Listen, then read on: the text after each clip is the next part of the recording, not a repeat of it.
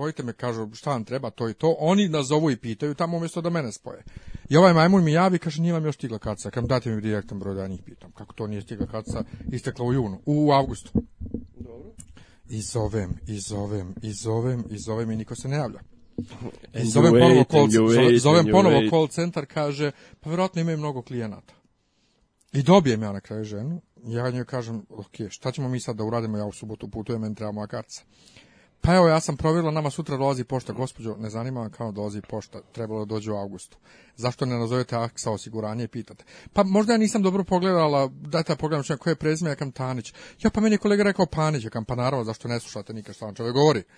Zvaću vas za 10, te, za 10 minuta. Te zajebanci oko prezmena da ne počne. Zvaću vas za 10 minuta i naravno pola sata poslije sam je tek dobio kartice. Je stigla. Mene jutros, mene jutros napuši me lik, jutros prvo pr probud me neđe oko 8, pola 9, nemam pojma. Kao, dobar dan, ali Nemanja jeste? Ovaj, je li koristite, kao, zovem iz komercijalne banke, je li kao za e-banking? Kao imamo novu, kao ovaj, da vam pošaljem aktivacioni kod, rekao, jel to rekao ovaj, za, ja rekao koristim mobilnu, rekao aplikaciju, to rekao za mobilni ili za desktop. kao pa naravno da je za mobilni, vi koristite za mobilni, ono fazon kao je debil, znaš, ono, a ja ono kad kažu i banking, ja uglavnom pomislim na na komp, ono, znaš, mislim, pošto mhm. imam za drugu, za drugu, s drugo... Ne, zato što se mobilni banking zove M-banking, svugdje. E, pa, na primjer, i kao, ja imam ono, kao za e-banking imam onaj, kao USB čip, onaj, što, što mi radi van BH, za BH mm. računa, a za ovo imam, znaš, kao mobilni, kao, da, da, kao, a, jesi, znaš, ono, fazon, kao, ala, si retard, na. Ne, pričat ćemo o tome, mislim. da. Ajde, puštaj. Ajde, krećemo. Da, Um...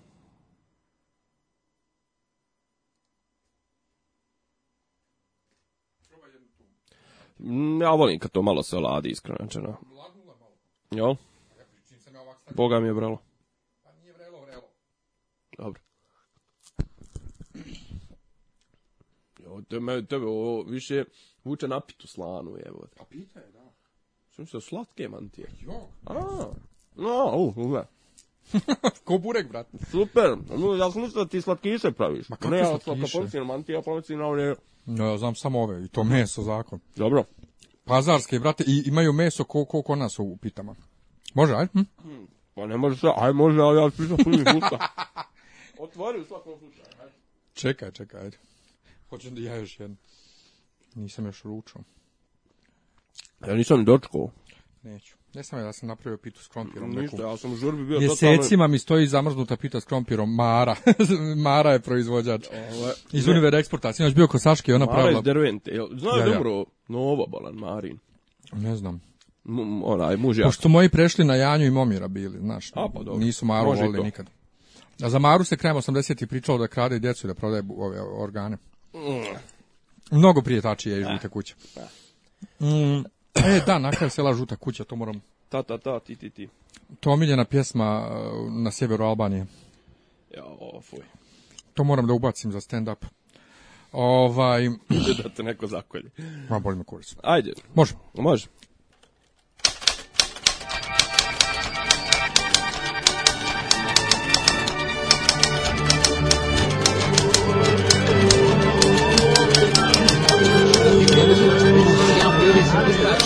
Oh,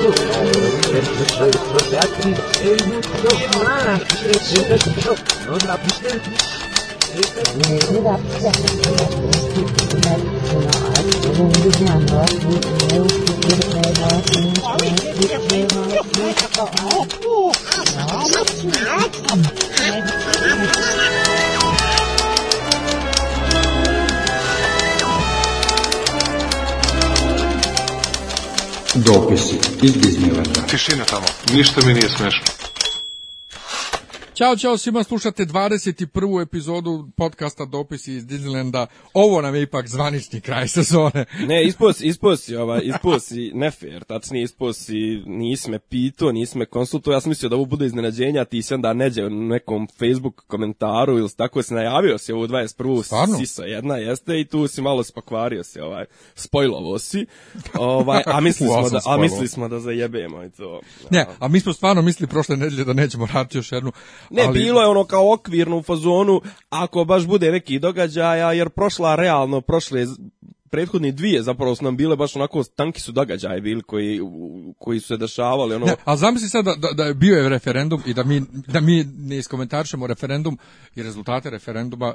Odemo na odbor i posle odbora to će već biti zaboravljeno ko grčki referendum od kojeg što sam se ja e, sjetio. E, ne, mislim toliko toliko aspekata referenduma meni se sviđa mi se ta tvoja analogija sa grčkim referendumom. E, ali mi vjeruješ da mi je tek naumpala ta analogija tu noć posle referenduma kad su svi krenuli da likuju, sjetio sam se odmah kako čak su svi likovali na Ohi. Liku i, liku i Ninje i da, Veseli da, da, da, da, na, da, na, na Ohi, Ohi, Ohi, Ohi, Grčko Ohi Kurac, Grčko Ohi, ništa. Ja ću ovaj, danas čisto da se izvi, izvinim unapred, ovaj, ja ću da da kašljem u mikrofon i da, da zvučim kao Ljilja Petrović. Prije emisije sam pokušao da ti objasnim ko je Ljilja Petrović. Ovaj. Dakle, ne misli na Ljilju Petrović ako se uopšte zove Zoran Ljilja Petrović Lupiću, što je išla na Euroviziju u 56. Imaju dvije Ljilja kuca, Petrović. Kuca majke ti na, na, na Google Ljilja, Ljilja Petrović. Petrović Ovaj, ali ova Ljilja Petrović koju ja, ovaj, na koju ja aludiram sa ovim svojim glasom, to je poznata ciganska, srpsko-ciganska pevačica, ovaj, kasnije se e, prezivala i Butler,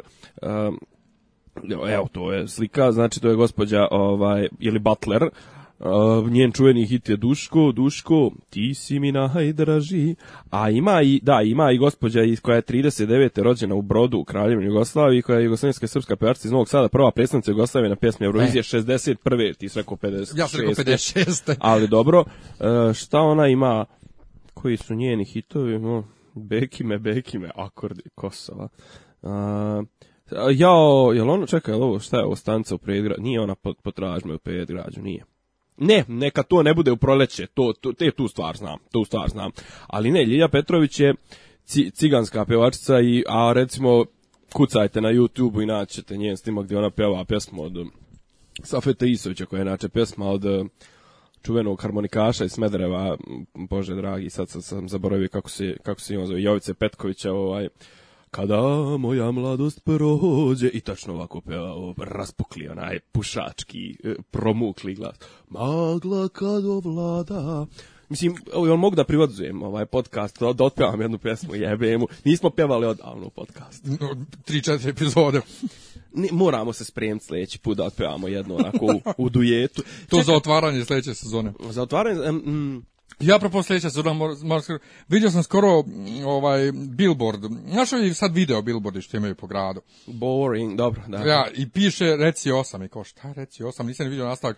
Ono... Betvin. Ma ne, Ivan Ivanović. Ne, Ivan... Kladiončarska je neka. Ma jok, Ivan Ivanović, osma sezona, ali, ali mu se sezona zove 7 plus 1. Da ne bi bilo Reci 8. A baš je...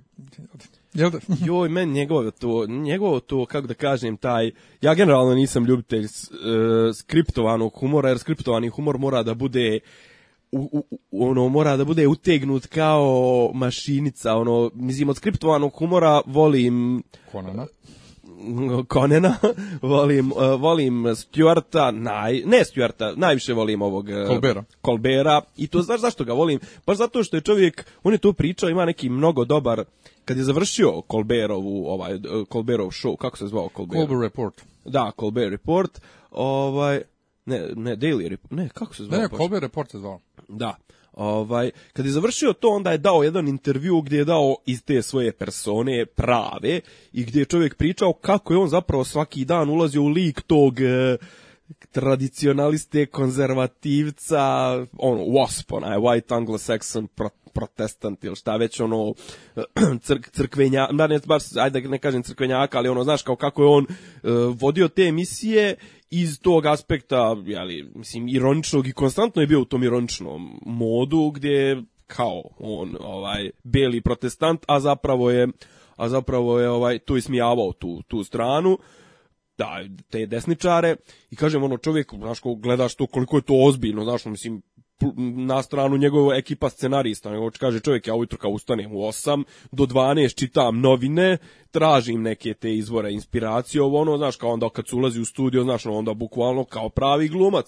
Kod nas je problem što, mislim, Ivan Ivanović je, kako da kažem, nit, nit zna da improvizuje, a realno to kom piše Ršmović i ova ekipa, ali tako Vuk Ršmović, sin od... Eh, Blage. Zove Matori Ršmović. Ljubivo je. Ljubiš, a ajde, ljubivo ja, ljubivo je. Znaš, ono, mislim, ima tu nekad oni u bodu, ali, mislim, to, e, ne znam, to stajanje ispred slike mosta i ono, kao s rukama u džepovima, sad prosipanje, mislim, to konani ovi rade 30 godina, mislim. Jay Leno, mislim. A prije toga oni, kako zvao, pa, sa, o, Carson, Sullivan, Sullivan, onaj što su kod njega Beatlesi gostovali 60. Pa dobro, i Carson. I... Pa da. Tako da kažem, ja tog skriptovani humor, to mora da bude, znači, utegnuto kao, s, ono, znaš, kao, kao atomski sat. Pa ne, za početak mora biti dobar humor. za početak to da, i kažem, ako furaš već neku priču, znaš, recimo, ne znam, ja sam gledao sam, ono, na Comedy Central idu dosta tih stand-up stand up komičara i sad ono imaju, ima tačno vidiš kao tri ona tira, znaš, kao vidiš one Amerikanci koji sabijaju jebi ga. Mislim, da ne pričam ove koji su tipa ekskluzivci, kao što je bio Carlin za HBO ili ne znam, eh, Robin Williams, eh, Chris Rock, je tako isto uh mhm, -huh, i on. Uh mhm. -huh. Ovaj, i eh, Chris Tucker radi isto. Na primjer, ili, pa čak i Sara Silverman i ne znam, Amy Schumer, ovaj, Znači to su ono mega zvezde, pa imaš kao ova takmičenja i one kao premium blend, o, to je kao neki drugi red, imaš treći nivo, to su ovi u Mađarskoj, se gledao neka te, kao... Naši su snimali u Mađarskoj. Pa je južnoslovenska, mislim južnoslovenska, jugoistočna Evropa zapravo cijela ima kao taj ta ekipa i zapravo Comedy Central je radio dosta ovaj te neke Nisam regiona, regionale. Gledao sam i ja i kao imaš neki kao pa ono kao simpas neki Poljaci, znaš, ono kao Bugari koji se za, zajebavaju na te stereotipe i onda imaš ono u četvrtu, ja sam gledao neku hrvatsku lezbejku, joj, joj, znaš, znaš ono kao definicija transfera blama, jel se transfer, transfer blama, mislim. Znaš ona kao, pokušava da se zajebava sa tim stereotipima, tim i, i seksualnim i rodnim, ovo ono, ali nekako ti neprijatno. Znaš, ono, mnogo ti je lakše progutati priču kad taj koji to radi zapravo ima i dobre glumačke sklonosti ili karakteristike, ali kad je, znaš kao, može biti najbolji napisan stand-up ako to neko ko to iznosi ne može da iznese, loše zvuči. Kako samo došlo, dođu smo na temu stand-up odjednom. pa ne znam, nešto si nešto spomnio prethodnih dana. Pa, pa jesam, pa jesam, jesam. Pa ne, ali meni, meni je stand-up. Bio sam na stand-upu, ili tako? Pa jesam, jesam. Ovaj, Hoćeš malo da nam podijeliš. Nemanja ćemo... Cvjetić. Pa pazi, nije, Nemanja Cvjetić, čarobnjak iz voza čuveni. Ovaj, vas dvojica imate zajedničko što vas, što vas poznat i njega doduše stvarno poznat neko, ovaj tužio, njega je Đorđe David tužio zbog onog nekog izmišljenog intervjua koji je radio s njim za neki za neki portal. Da li, Ula, ulažen prigovor. Da li na dlanu ili šta već. Ulažen prigovor ja, jači je Malagurski od, od ima, više, ima više fanova na Facebooku. Pa vjerujem, vjerujem i da je uticajniji svakako. Ali pri taj intervju nije nigdje predstavljen kao da je stvarni intervju. Znači, vidlo se sve vrijeme da je zajebancio, ovaj ga je tužio. Izvini, on je njega tužio, verovatno civil, onaj, bože, počeo sam ja engleski, građanski ga je tužio, nevjerojatno je parnično, bio, da. parnično, meni je, meni je Lola šiknuo krivičnu za ugrožavanje bezbjednosti. I to lica Nikad koje, nećeš. lica koje koje vrši posao u vezi, e, u, koje u vezi sa radnjama Osoba koja radi poslove od javnog značaja. Nikad nećeš, nikad to nećeš prevazići. Ne, Ali najjače... to, to, pa to je, mislim, to, to me obilježilo. Me, mislim, ja, znači, ja sam tri po godine života izgubio. Ja kome god pričam o podcastu i kažem sijan sa mojim drugom iz gimnazije Nemanja Paleksić. E, ako znaš ono, ona trojica što su osuđeni u slučaju Malagurski što smo kao prijetli, e on je jedan od njih. Meni je neki dan, ne, ne, ja, Uvijek tako, ja tako sam se neki dan, ja sam se neki dan sreo sa, sa prijateljicom s kojom nisam bio par 4 5 godina, 3 4 godine i baš ono ovaj im zadnji naš susret je bio baš prije nego što će to da, da se desi. I sad i ono kao pita me kao šta ima u zadnjih nekoliko godina, poreko pa je tu rekao bio sam ovaj dobio robije, kaže ona nadam se uslovno, rekao uslovno kao što, pa reko znaš onog reko što snima, onaj, onaj Seronja, onaj Malagurski, onaj govnar, kao, e, rekao ta, ne serkao da se smijem, znaš, kao ono, a otprilike, valjda, znaš, ono, valjda ja se i družim s ljudima koji, mislim, zašto se ja kliknuo s tobom, zato što ti ja njega ne možemo da smislimo. Pa dobro, nisi kliknuo samo zbog zašto ga ne, ne da samo zbog toga, ali hoću da kažem koliko se poklapaju naši, ono, mindset. ti se znao mnogo duže. E, Naravno. E, sad, a mindset nam se dosta poklapa i sa Nemanjom Cvjetićem, čarunjakom iz voza, dobro. ali to, je, ali to je toliko ovaj, stravično se poklapa, bismo pošto išli da ovaj, kupimo neke pljeskavice, nešto, Niste kupovali mantije, pošto sad imamo, jedemo mantije. Imamo isti, ovaj, pa nema gdje da se kupi, ni u Beogradu, A, možda da. kupiš možda to pa da pečeš. Ali u svakom slučaju imamo isti odnos prema hljebu koji se stavlja pljeskavica. Dakle, ne volimo somun jer je somun ovaj, e, suv i moraš, ne sarađuje s tobom dok grizeš nego hoćemo mekanu lepinju da bi jeli. E, ovaj, znaš da je bila ona varijanta tipa sad u tortilju, što je meni pogotovo loše zato što sa, sa, sa tortilje skliznu svi prilozi. tako je, tako je, tako je. Ovaj, I onda smo diskutovali o tome, Bože, pošto, je on porijeklo isto iz Bosne, ovaj, diskutovali smo o tome kako kod nas se pravi posebno supa kojom se poliva lepinja i ne znam, nije samo... Supa. E, a sad supa, njegov goveđa supa, zapravo ubaci se kost. Tu je fora u koštanoj, s, u, u, pođe reći kostnoj srži.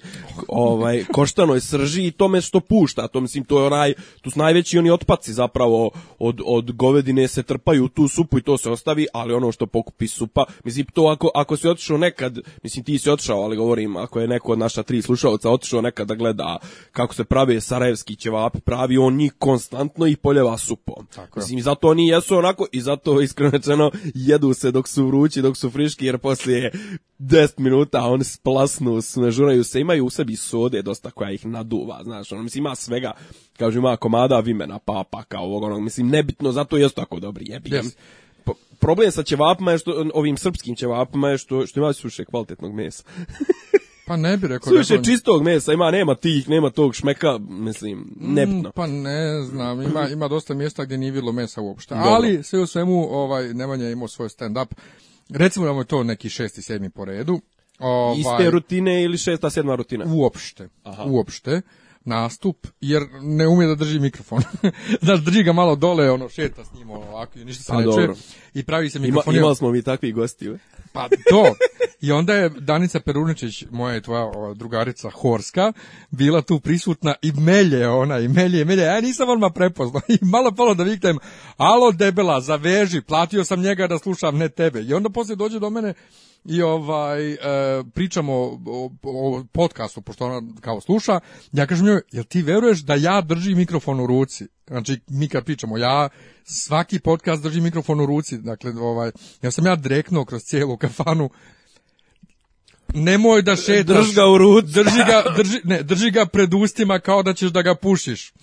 A mogu se reći ko sladoled seljačina. A nije mi palo na pamet. I su, kafana se smijala, a on se ja sjetio taj dan kad sam s njim pričao, ova, a inače super mu je rutina. Znači, ono što je kod njega dobro i kad se čitaju njegovi postoje na fesu je, ta autentičnost koju on ima spram ovaj ovak ti neki fejkera kao što je Malagurski, jel te? Pa, ne, ne, mislim čovjek sa e, sela koji piše priče koje su mu se stvarno desile. a ne, kva, mislim kvalitetna suština, mislim kvalitetan materijal, lako, mislim čovjek je stvarno ja sam ga upratio preko ne, ne, neki to ono, ali ono... pričica, ovo ono, mislim, čovjek piše dobar materijal, um, iznošenje tog materijala, to to se može i navježbati, ali kad imaš loš materijal, brate, može biti, mislim, koliko smo gledali filmova sa dobrim glumcima, lošim scenarijom i Jeste, pa ali, ali koja je pojenta, ja sam odavno htio da uđem u, ovaj, u stand-up vode, jer me ljudi stalno tjeraju kako ja tako provodim, ja imam jedan problem, to je ja mogu spontano da smislim foru, a sad da ja napravim scenariju, jer svi ti glumci koji rade stand-up, to je bukvalno svaki put potpuno isto, u dah isto rade. E, recimo, Ova, vidiš... I onda je problem, e, znaš, ja ne mogu to unaprijed, ja sam čovjek više za, za ono. A sam onda shvatio, ja imam dovoljno priča koje su mi se desile, koje su totalno sumanute, tipa oni policajci na Adi, Milka Canić, Minja Subota i šta sve ne ja to mogu da upakujem u priču. Ali, onda sam odustao od ove ekipe standup.rs, dakle, Dinčić, Silić, ovaj, Neša Bridges i kod njih da se guram, zato što oni su bukvalno postali korporacija. I onda ti imaš tu šeficu i ona, kad uđeš u tu priču, onda ti ona zakazuje nastupe i bukvalno ko zaposleni. Pošto je u Sloveniju, ide nastupe tamo. Ja prvo ne znam kako bi ja nastupao u Sloveniji ne znam, taj, znaš... Šta bojiš se da imaš Sloveni neku, kri, ono, teretete za ratne zločine? ja, ja, ja, to. Ne. ne, nego bojim, znaš, nije to taj mentalitet prvo, ali drugo, nemam ja vremena, ja neću da... Ja da dobro, to pazi, bude više hobi. Pazi, uh, dobro, to za hobi, e, to, te, to te razumijem, i, a, ali, ali to što kažeš mentalitetom, ako se mi možemo smijati forama ovoga, kako se zove, Cat Williamsa, isto onog crnca, onog što drži one nasnifane stand-upove, mislim, o, ne znam, stanju Eh, scene druge u gdje ono u LA-u, nemam pojma. Mislim, znaš, ono, neke fore su univerzalne. Jeste, okay, ali američka kultura bi tvoja ne, rutina bila, ne, ne, ali bila... američka kultura je mnogo, kako ti kažem, univerzalnija. Mnogo univerzalnija nego nego naša za Sloveniju i tada. A dobro, e, ali sam Slovenci onako ovaj šta ka, šta radi Slovenac kad napuni 18. Ide u Bosnu traži oca.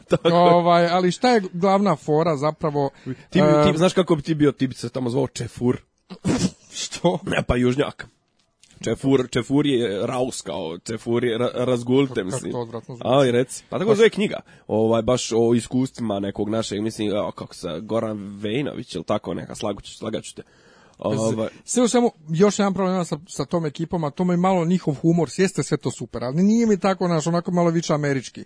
Ko da sjede i gledaju Comedy Central i pišu, zato što recimo Dinčić koji je sjajan, evo, mm -hmm. i on je mhm. kod, kod Ivana Ivanovića stalno, Uh, on kad priča o popovima, automatski je popovi siluju djecu. A to nije naša naše poimanje opšte popova kod nas je popovi lopovi. Imaš više popova ženska roša nego kao pop siluje djecu. Malo mi, znaš, nije mi to. Mene e, ima padne ali... na pamet onaj stih Zvonka Bogdana, ne grdite popove što gledaju filmove, pa i pop je živo biće, pa voli porniće. Ove, ovaj, da, da, to redovno na, na svirkama. To, ali dobro, to je, to je bez, e, morat ćeš jednom da mi objasniš i tu fascinaciju zvonka Bogdana, Bogdanovo. Ovaj, imam ja u, u A dobro, Zvonko društvu... je postoji malo i mim sad ovo. A ne, ali ja imam da među, mojim mla, mlađe, mlađem uh mhm. -huh. društvu, ono, Hoću. fazon, 86. 94. godište koji U, to je ga, već to je već mlađarija. Koji ga jako vole, a nikad im nije bilo jasno zašto. Sve u svemu e, Nemanjin humor mi se dopao, Nemanjin način razmišljanja, sam mu predložio ajde da sarađujemo, da napravimo zajedno ovaj, a njega tjeraju već dugo da radi vlogove i tako to ja sam rekao za podcast, tako da postoji mogućnost da ćemo da radimo zajedno ovaj, na podcastu, e, ali ja imam, tipa da nam gostuje jedno mjesecu. Ali ja imam, imam bolju formu za tebe, mislim bolju formu, ovaj, imam... E Pa nek to čak bude moja neka jedna od preporuka za ovu sedmicu. To je recimo čovjek na, na čim sam ja pričam, a pa ne mogu da kažem odrastao, zato što je to ipak, mislim, te, te njegove forme sam otkrio tamo recimo 2005. 6. kad su torrenti možda mislim 2000 možda čak i 7. 8. kad su torrenti postali iole dostupni dok još nije bilo YouTubea u, u ovoj meri u kojoj ga imamo danas, e, a to je Henry Rollins. Henry Rollins je inače e, čovjek, e, mislim da sam ga pomnjao prije par podcasta, ono njegov, ovaj, njegov čuveni blog, to jest njegov čuveni esej ovaj, Iron and the Soul, kako je on postao to što jeste kad ga je učitelj, e, kad ga je nastavnik iz osnovne škole natjerao da krene da ide e, da, da krene u teretanu. Ovaj e sad Henry Rollins inače E, počeo karijeru u, punk, američkom punk sastavu Black Flag. Kasnije je, mi smo ga slušali u srednjoj školi gdje je imao Rollins Band. I on je inače čovjek za razliku od većine tih derača u, u grlatih u panku, on je čovjek pjesnik, ali baš pjesnik i on ima bezbroj i knjiga. Ima recimo knjigu, mislim zapravo čak i to je serijal neki, ima čak i audio snimljen, zove se Black Coffee Blues, gdje on onaj ne znam, na nekoj turneji proputovanju po Evropi i sad on tipa recimo ustane ujutro, ne znam, u Lisabonu i ono ne znam, komentariše kafu koju mu tu u tom gradu sipaju i ono neke svoja razmišljanja. E sad kažem, on je ovaj pjevač, ali istovremeno ima i nešto što on zove, on zapravo, to je žanr, zove se spoken word. To nije stand up, klasični u smislu da je rutina koja se ponavlja, ali on je izuzetno popularan i to je recimo jedna od mojih naj traumatičnijih epizoda u životu dok sam ja živio u, u Budimpešti, sad će me ova Mirjana će me napušiti ono, po stoti put kako pominjem stalno taj period, ali znači ja dok sam tada živio i odem, kupim kartu za njegov nastup na takozvanom O Hormins uh, Njolc A38 Hajon brodu. ovaj, šta se smiješ? Ček sad, ajde još jednom ponoviti. Na O 38, A3, A38, hajo, hajo, hajo je brod na mađarskom. Dobro, ali tako zvučalo. Pa, Odjednom nije good mađarski. E, ovaj, e, to je brod a koji je zapravo ono na, na Dunavu i koji ima kao neku tu improvizovanu binu i onako malo iskreno vuče to na neki hipsteraj, malo onako vuče na mikser, ali pošto je na brodu još je veći hipsteraj, jel tako? Ovaj, e, I, mislim ono, naš bi rekli splav i kažem imao sam kartu za njegov taj spoken word jer je to bilo najbliže mislim gdje, gdje on nastupa u Evropi. on često ono par provede po mjesec dva u Evropi, nastupajući po Njemačkoj po po ovom e, po, po UK-u ali kažem ono ja u tom trenutku živim u Mađarskoj i kupim kartu i dođem ovdje zajebem se dođem u Bosnu na vikend to je bio neki februar i zapada snijeg i ja nisam mogao da odem znači nije se moglo znači toliko je zapadalo da, da se nije moglo preko Fruške gore popizdio sam Uglavnom, kažem, njegov taj spoken word, on se on je otprilike ono mislim živi nastupi otprilike kao naš podcast. Znači on se pos, u sat i po se osvrne na sve neke teme, ispriča par nekih anegdotica i to sve e, šta je fora što sam ja slušao dosta tih, mislim to su uglavnom u, u 70-80% slučajeva to su bootleg snimci, ono neko je uključio neko je uključio ovaj telefon ili diktafon ili nešto pa ga je snimio. I onda kao slušaš recimo prvo veče, drugo veče, treće veče, četvrto veče pola tema se ne poklapa, jer njemu ono kako mu krene u tom trenutku, on improvizuje, vozi, nebitno, pola priča ne ispriča na isti način, mislim, poenta bude ista, ali znaš, ono, nije uopšte to ukalupljen i kažem, možda bi se tebi čak bacit ću ti par nekih njegovih pričica, pa ne, meni... čisto da vidiš i mi kaže možda bi se ta forma čak više isvidjela i ja stvarno mislim da ja i ti ako nekad ikad postanemo preko ovog podcasta poznati, mislim da bi mogli ovaj mogli u tom fazonu nešto da organizujemo, tipa ono Mislim, nije to čak nepoznato ni na ovim prostorima, imaš ovu ekipu iz Ferala, on često tako nastupaju, mada oni ono smaraju sa tim svojim, on misle da su pjesnici, pa smaraju sa tim svojim pjesmama. Ovaj, Dežul, jest, Dežulović i Lučić. Ono što je meni bitno u tome je da se publika smije.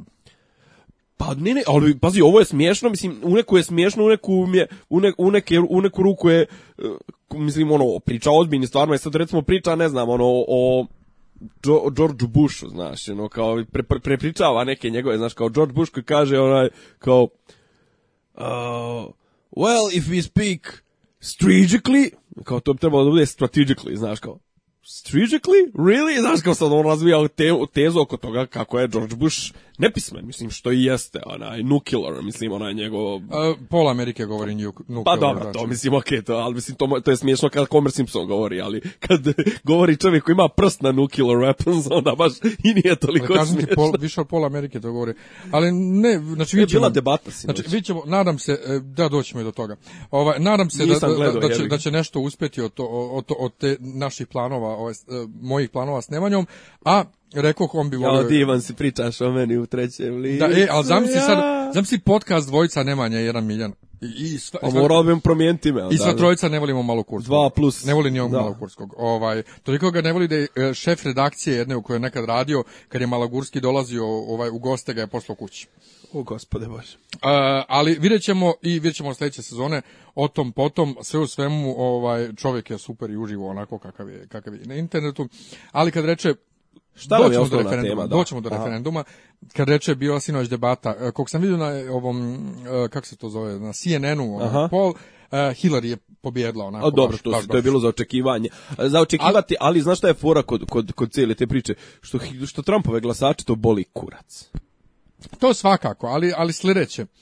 Mislim, rijetko ko se u Americi trenutno opredeljuje, mislim, znaš kako, nije to sad sukob dva intelektualna titana, pa ne znam, ono, gledaš debatu Foucault protiv e, Čomskog, pa sad kao ti, wow, evo ovaj ispo pametniji, mislim, zna se zbog čega Trumpovi glasači glasaju za Trumpa, ti možeš njemu odraditi onaj fact checking i, i ustanoviti da je on u 100% svojih izjava slago. Lup, lupio glupost, slago ili... Njih to i dalje neće zanimati. Apsolutno, jer on je tipa, e, on ti je ono sjećaš se, mislim ti ne gledaš South Park, ali prije, bila je prije jedno 7-8 sezona, bilo je ono kao kad, stvarno čak nije možda ni prije 7-8, nebitno, dolaze kao neki vanzemaljci i kreću u, u South Park u Koloradu i kreću da uzima, da rade poslove za koje ovi neće da čuju, znaš, onda kao malo po malo, mislim, ono, vanzemaljci rade za, za šnjelov, znaš, I onda kao skupe se ovi u onome town hallu i samo viču They took our jobs, they took our jobs. E sad kao otprilike Trump konstantno to viče fucking, ne znam, beaners, meksikanci, ovo ono, sirici, emigranti, they took our jobs. Mislim, i sagraćemo zid, ovo ono, i naravno to je najveseliji Amer koji ispuca cijeli arsenal za 4. jula i za dan nezavisnosti koji ono zapali pola kvarta on, brate, on se loži na to, mislim, jebe s njemu. A, a druga stvar, Hillary je toliko antipatična da jednostavno ona da sad besjedi kao vladika Rade, ona neće privući nikoga ko već do sad nije za njom, mislim, ona, jednostavno ona žena antipa, antipatična i ovo je, fascinantno je da znači u Americi zemlja od 315 miliona ljudi ti dobiješ Ovako, dva takva kandidata. Iza... E a sad koja je fora zašto ja hoću o tome da pričam? Za vikend se digla prašina, glumci iz Willy Grace se okupili i okačili sliku na, na, na, na, na internet gde su sve, sve zagrljeni i ono kao ha ha hu hu i odjednom kače slike sa seta serije tipa Erik McCormack koji glumi ovog vila sa cvikama i drži neki scenarij u ruci i kaže ujebote ja sam nekad ovo mogu bez cvika i sve četvoro su okačili po sliku sa seta i kao šta koji kurac i onda se juče u toku dana pojavi video koji onako muzika za akcione filmove idu titlovi, znaš, kao Extraordinary, Extraordinary Team, Will, ono, taran, Will Assemble, taran, taran, ne, ne, ne, ne, superhero, kao za superherojski film, sad, orkestar. I u svakoj rečenci jedna reč je crveno obojena i onda zapravo kad vidiš, kad čitaš te crvene reči piše Will and Grace is back. I juče cijeli internet poludio, a vraća se Willy Grace, a, ekstra i noćas objave video, to je desetominutna scena koja je zapravo podrška Hillary.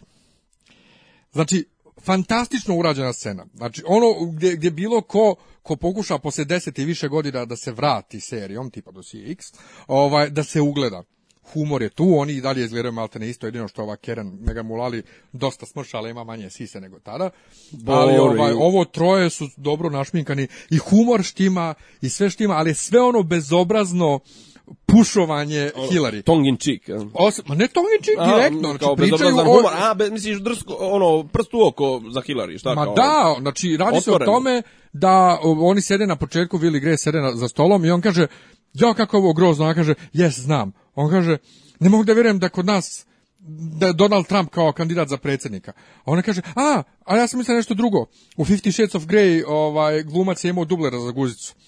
I onda dalje. I sve vrijeme taj humor i dolazi e, Karen koja je sa svojim mužem i sa Melanijom i Trumpom bila na let, ljetovanju i priča kako je Trump super i ne znam nja šta. A onda dolazi Jack koji predstavlja uh, pošto oni u Pensilvaniji valjda uvek imaju to je swing state ono uh, država koja nikako da se odluči ne nego zavisi od da mislim nije nije ova tvrdokorna pa to i dolazi Jack je koji je registrovan da. u Pensilvaniji i sad Aha. oni njega Grace i Will pokušavaju da ga ubede da on mora da glasa za Hillary a pritome u scenografiju su bacili negde stoji sa strane plava torba ženska sa onim znakom H i crvena ona crvena strelica da da to je njeno ovaj-, ovaj Hillary znak da. i sad Hilarijev znak. On, o, Hilarijev znak, da. Ono što je, što je dobro u toj ovaj, kako zove, sceni jeste to što nije neukusan humor. Znači nisu likovi na silu ugurani u priču. To je ono što bi ti da je serija sad i dalje u toku, oni bi stvarno ti likovi Pop, kako su izgrađeni, priču što kaže. Oni bi to tako predstavili, znaš. Znači nije sad da, da Keren gura Hillary takto. Ali dalje naš ovo bolite što, što koriste to za tako nešto.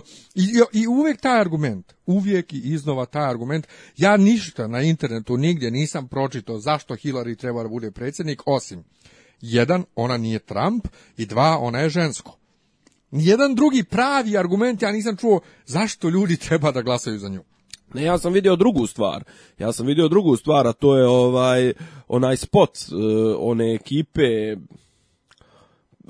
superherojski filmovi, mislio sam da ćeš to da, da kreneš da pričaš, superherojski filmovi, mislim da je režiser bio Joss Whedon, ovaj, uh, i u fazonu Robert Downey Jr. bla bla bla je gledao to, to si gledao? Nisam, ali sam čuo, čuo da je okupio milijardu glumaca. I kao tipa, kao ako izaberete Hillary, Mark Ruffalo će pokazat kurac.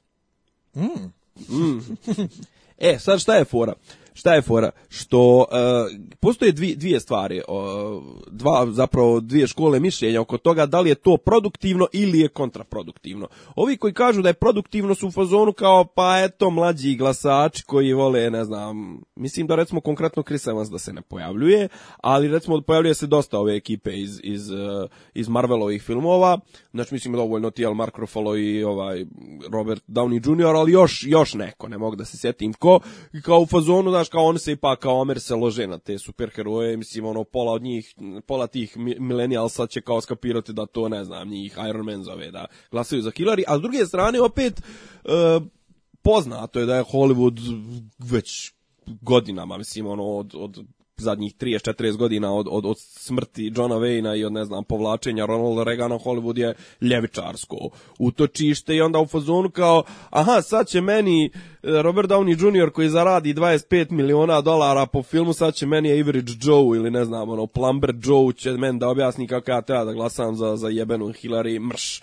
Mislim, iskreno rečeno, men bi to izazvalo kontra kontra revolt da se sad skupe Sergej Trifunović i ne znam Biković i ta ekipa i da kažu glasaj za, za kontra Vučića, ja bi glasao za Vučića, mislim, jebote. Ne, možda ne bi, okej, okay, ali imaš ti ljudi, ljudi znaš, ono, mislim, u Americi, pogotovo u Hollywoodu, to su ljudi koji su izuzeti od realnog života. Mislim, šta oni znaju kakvi su problemi u Detroitu, mislim, ono koji je mrtav grad ili ne znam, pa osim ovih koji se stvarno bave humanitarnim radom. Pa da, ali kažem, znaš, ono, kao koliko je sad to zapravo, e, koliko to može samo da učvrsti ove, ove uh, Trumpovce. Trumpovce u uvjerenju da su oni znaš, ono mislim. I kažem to to raslojavanje jednostavno neke stvari koje spadaju u domen klasičnog političkog marketinga i debata i toga više nisu više uopšte nisu nisu stvar o kojoj treba da se raspravlja u ovim konkretnim američkim izborima, jer to više nije pitanje ko ti je više simpatičan, ko ti je ovo, znaš, jedne strane imaš Trumpa koji je u fazonu uh, ne znam, they took our jobs, mislim, ja ću se, ne znam, osveću se kinezma,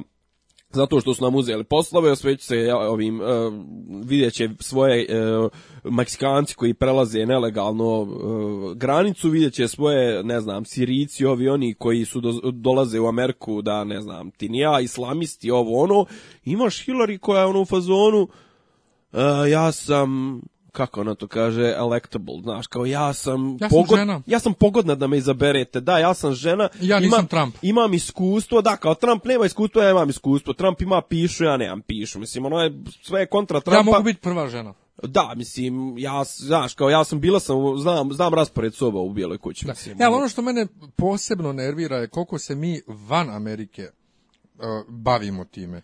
A pazi, to znači, jeste, jeste stvar koja će uticati na ma nekad jeste, posredno. Jeste, mislim, ali, mene, posredno. ali ja hoću da živim u svijetu gdje mene ne zanima ko je u Americi predsjednik.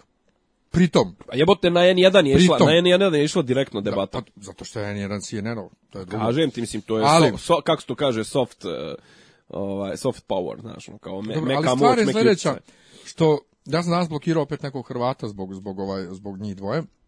Na, kod nekog druga na temi o Willi Grace, gde je krenuo da, da pljuje Trumpa i onda ovaj drugar njemu uzvratio nešto za Hillary, a onda on rekao kako je Trump isto koji Putin, ne znam ja fašta, ono je kao brate, Putin, Putin u svojoj zemlji radi, uh mhm. -huh. a Hillary ide, ide okolo i sije demokratiju po svijetu, na što on kaže meni, pa da, zato što je najjača sila na svijetu, pa može. Čekaj, znači tebi je to okej okay da da ide okolo i rade prave sranja koje prave zašto su najjači na svijetu pa koji to... E, ajde čao blok konkretno konkretno što se tiče Willy Grace uh, pazi uh ne, i to je pitanje, znaš, ono, koliko je to iskreno rečeno produktivno, a koliko je kontraproduktivno da taj... A mnoge fanove... In, endorsement, ne, ne, u fazonu kao, imaš ti u Americi, mislim, ljude koje realno Will Grace nerviraju, mislim, ono, u fazonu da su suviše tog gay swaga, pogotovo od strane Jacka i ne znam, ono, mislim, razmažena bogatašca, e, ono, razmetljivi gej, e, ne, ne znam šta je Will, nesigurni gej, ili ne znam, nija šta, mislim, on je, ajde, kao i okej, okay, i ova nesretnica udava pevalača, mislim, znaš, ono, to su neki stereotipi zapravo koji, ono, kažem te ovog average Joe-a, ljubitelja, ono, američkog futbala i, mislim, ja sam ljubitelj američkog futbala, ali nebitno, ali nisam amerikanac, znaš, kao tog desničara, konzervativca koji, ono, doomsday preperi, ne znam, ono, čovjek koji se loži na oružje, njega Will Grace nerviraju zapravo, kažem, mislim, oni koji su već za Hillary, oni, njima će to biti simpatično, ali kažem, taj, ti neutralni glasovi e, kažem, oko njih se, oko njih se bore, znaš, kažem, ti bori se Hillary kao u fazonu, što ti kažeš, eto ja nisam Trump, mislim, ja i dan danas ne znam, ni ja ne znam zašto bi neko glasao za Hillary u fazonu kao, al ti znaš kao s njom šta će biti, hi, hi, ovaj, Trump je nepredvidiv. Da, ali sa Hillary znaš da će zagovnat odnose sa Rusijom, da će, ne znam, ni ja, a znaš, recimo, mislim, zanimljiv, zanimljiv podatak, neki dan je ovaj pro, prošao, što recimo meni, meni se čini čak kao pucanj u sobstvenu nogu. E, kongres je izglasao zakon po kome sve žrtve, porodice žrtava 9. 11. E, septembra mogu da tuže Saudijsku Arabiju kao državu za naknadu štete. Ali Obama taj zakon e, stavio veto. Opa. E sad, može da se vrati u kongres i da dvotrećinskom većinom u oba doma progura se taj zakon, ali kao Obama je rekao u fazonu, ali to nije u interesu američkog naroda, i američke države. Šta nije u interesu? Da zagovnaš odnose sa Saudicima, a Saudicu odmah rekao mi ćemo povući, ne znam, 750 milijardi dolara koliko imamo u američkim uh, firmama. Rezervu, ne, ne, u, u bankarskom sistemu, koliko imamo u obveznicama američkim, mm -hmm. koliko imamo uloženo u bankarski sistem, povućemo što bi odmah izazvalo kolaps. Ono, znaš kao, I ti sad znaš otprilike sa Hillary ti znaš šta, šta, šta nas čeka. Čeka nas ono podrška jevrejima, čeka nas uh, podrška, podrška saudicima. Saudicima, da, čeka ja, nas pritiska, oni, ona, oni, Irana. Oni podržavaju jedne i druge, ono zaklete neprijatelje. Mislim, pazi, oni saudice ne podržavaju ono kako ga da kažem, ono iz srca, ali podržavaju njihovu lovu, mislim, pa, da. onaj, on su dobri i prodaju im oružje, jel naravno. Mislim, ne znam, ne znam koliko pratiš, ali recimo kažu da je trenutno Uh, ono kao možda najveći ratni zločini trenutno u svijetu, znaš gdje se dešavaju? U Saudijskoj Arabiji, ja? Ne, ne, pa ne, ratni zločini. A, ratni zločini? Da. U Jemenu, gdje Saudici bombarduju već mjesecima, ali tu o tome se uopšte ne priča. Ovo što su tamo hutiti, mislim huti, ali ne oni afrički huti, nego baš huti kao neki ovaj, tamo neki narod ono native ovaj su pokrenuli neku revoluciju i to sad ovi Saudici podržavaju tu vlast to znači rokaju rokaju rokaju najnovijim oružjem ovo ono naravno niko se ne osvrće na to al Asad smeta mislim Asad smeta a evo vidim pošto je sad valjda neka godišnjica da u nešto vezano za Gadafija Uh, uglavnom vidim da se sad onaj stalno se pominje se Gaddafi šta je Gaddafi bio prije, znaš, no kako je dao besplatno školovanje, ovo ono, znaš, i onda kao daj da sjebemo Gaddafija, inače će svijet propast, sjebaš je Gaddafija posle toga kroz, kroz godinu dana ubiša američkog ovog uh, a, konzula u, u Bengaziju, a prije toga dok je Gaddafi bio živ nije bilo nikakvih problema. Znaš, kao Sirija, kažu, bila zemlja, ono, mislim, okej, okay, svi su to, sve su to diktatori, znaš, ali, mislim, znaš, kao sjebeš diktatora zarad ljudskih prava i onda izazoveš humanitarnu katastrofu gdje ti, ne znam, 10 miliona ljudi mora da napusti svoje... Da, zato što nisi ljude prvo edukovao kako se živi slobodno. Ne, mislim, o... odvrat, znaš, kažem, s Hillary, pa, sa Hillary ti znaš šta će biti. Pa ne, pa ti kad skloniš, mislim, zamisli sad stado ovaca i zamisli skloniš im pastira, pa... I, i, i kera. Pa, znam si šta bi bilo pa, s njima, pa, zato što ne znaju. Ne, ali, ali onda znaš šta će biti kad skloniš pastira, doći Vukovi pa će pojesti. pa, ali samo što su ovde Vukovi ti koji su sklonili pastira Između i, ostalog. i, i Kjera, nego... M, mm, Da kažem, znači, Trump je nepredvidi. Trump je nepredvidi. Nervira me što smo mi toliko svi opterećeni ovaj, američkim izborima, koja... a pritome svi kod nas u fazonu Hillary, Hillary, Hillary, Nis. Trump je, Trump, ne. Da. ne, ne, kažem kod nas u, u Evropi, Ova, a Trump je, Trump je rasista, Trump je rasista, Trump je rasista. Prvo, ja sam uvjeren da ona podjednako isto rasista koji je on. To je jedno. Drugo, e, nas u Evropi, ako se već bavimo američkim ovaj, izborima, treba više da zanima njihova spoljna politika. To šta će biti unutra Americi, jebe mi se, brate, da li će da napravi zid sa američkom ili neće, boli me kurac. A dobro, ali dobro to, za njega to nema... Čano, ni, ni, ni, ne dotiče toliko u našim komentarima. Jeste, se, ali se o tome priča stalno. Zato što Trump nema nikakve, nikakvu spoljnu politiku, nema pa ne, priča o spoljnoj pa politici. Pa ne, pa ne, zato što je... Ovaj, a Hillary znamo njenu spoljnu politiku, već smo je doživjeli. Hillary je zapravo veći republikanac što se tiče spoljne politike svakako, od, od, svakako. od, dakle, od, mi e, znamo njegov, njenu spoljnu da. politiku da. i znamo jedno. S njom znamo sigurno na čemu smo. Tako je. S njim možemo proći bolje, a ne moramo. Tako je. A pritome ja vjerujem Upravo, da spoljna politika ne zavisi nikad ni od nje lično, ni od njega lično kao predsjednika, nego ono što je što što administracija, odnosno senat, ko već tamo vlada zapravo stvarno, Ovaj, to je spoljna politika. znaš kako, uvijek postoji taj sukob, mislim, e, konkretno e, ingerencije o spoljnoj politici u, u pogledu spoljne politike uglavnom pripadaju predsjedniku i ovom državnom sekretaru, jel te? Ali ne, ti bitnije stvari, znači, a predsjednik može da vlada sa tim izvršnim naređenjima, tim executive orders, ali bitnije stvari moraju da prođu kao bill, kao zakon, kroz kongres, a kongres je u zadnjih 10 godina kongres je republikanski, znaš. Jeste sam što ja vjerujem u, u vladu u scijenci, otprilike. Znači, vjerujem da postoje određeni interesi uh, multinacionalnih kompanija Ne, naravno, banke, naravno. koji zapravo vladaju spoljnom politikom i da tu ne može predsjednik sa svojim executive orders ne može ništa. Pa eto kažem, ali eto recimo sad je stopirao taj, taj zakon. Druga stvar, Obama je izgurao, kaj da kažem, da, da imao je par tih neki izgurao, ako ništa to otopljenje odnosa sa Kubom, otopljenje odnosa donekle, otopljenje odnosa taj nuklearni dogovor sa Iranom. Ovaj, Ma svašta on dobro uradio, mislim, prije da, njega... Prije druga njega... stvar, malo je, kako da kažem, malo je zauzdao podršku Izraelu, naš bar što se tiče to Palestine, ovaj opet opet za vrijeme Obame su izgubili su izgubili su desno-sarapsko proljeće što je veoma bitna stvar što ljudi zaboravljaju znaš, ono su izgubili izgubili su Mubaraka izgubili su Egipat izgubili su kontrolu, direktnu kontrolu nad Egiptom, koji je bio kontrateža e, Izraelu, tačnije imali su svog predstavnika na, u, tom pre, u tom regionu Izrael, ali imali su i Egipat uz Tursku, naravno, naj, dva najbitnija igrača na Bliskom istoku. Ovaj, da ne pričamo o Saudici, to mislim, sa Saudicima će uvijek biti isti odnos dok dok je lova, dok, dok, dok, dok curi nafta. ja. Uh, hoću kažem, Obama je sve jednu jako bitnu stvar uradio. Naime, do njega je u Ameriku um, bio zabranjen ulazak uh, HIV pozitivnim ljudima. Znači uopšte. I onda zato 25 godina nikakva međunarodna AIDS konferencija nije održana kod njih i onda on to malo olabavio da mogu ljudi da, da dođu u posjet. Bazi, u svakom slučaju, mislim, Obamu ćemo praviti od blata i mi, i Amerikanci, i Rusi, i ovo i ono. Šta hoću da kažem, e, ima neka internet e, anketa, ono kao kliktanje, nemam pojma, kao e, šta narod van SAD-a, mislim, ok, ne mora da znači da je reprezentativno, ali je zanimljivo, kao šta narod van SAD-a misli, za koga bi glasao da može da glasa u Americi.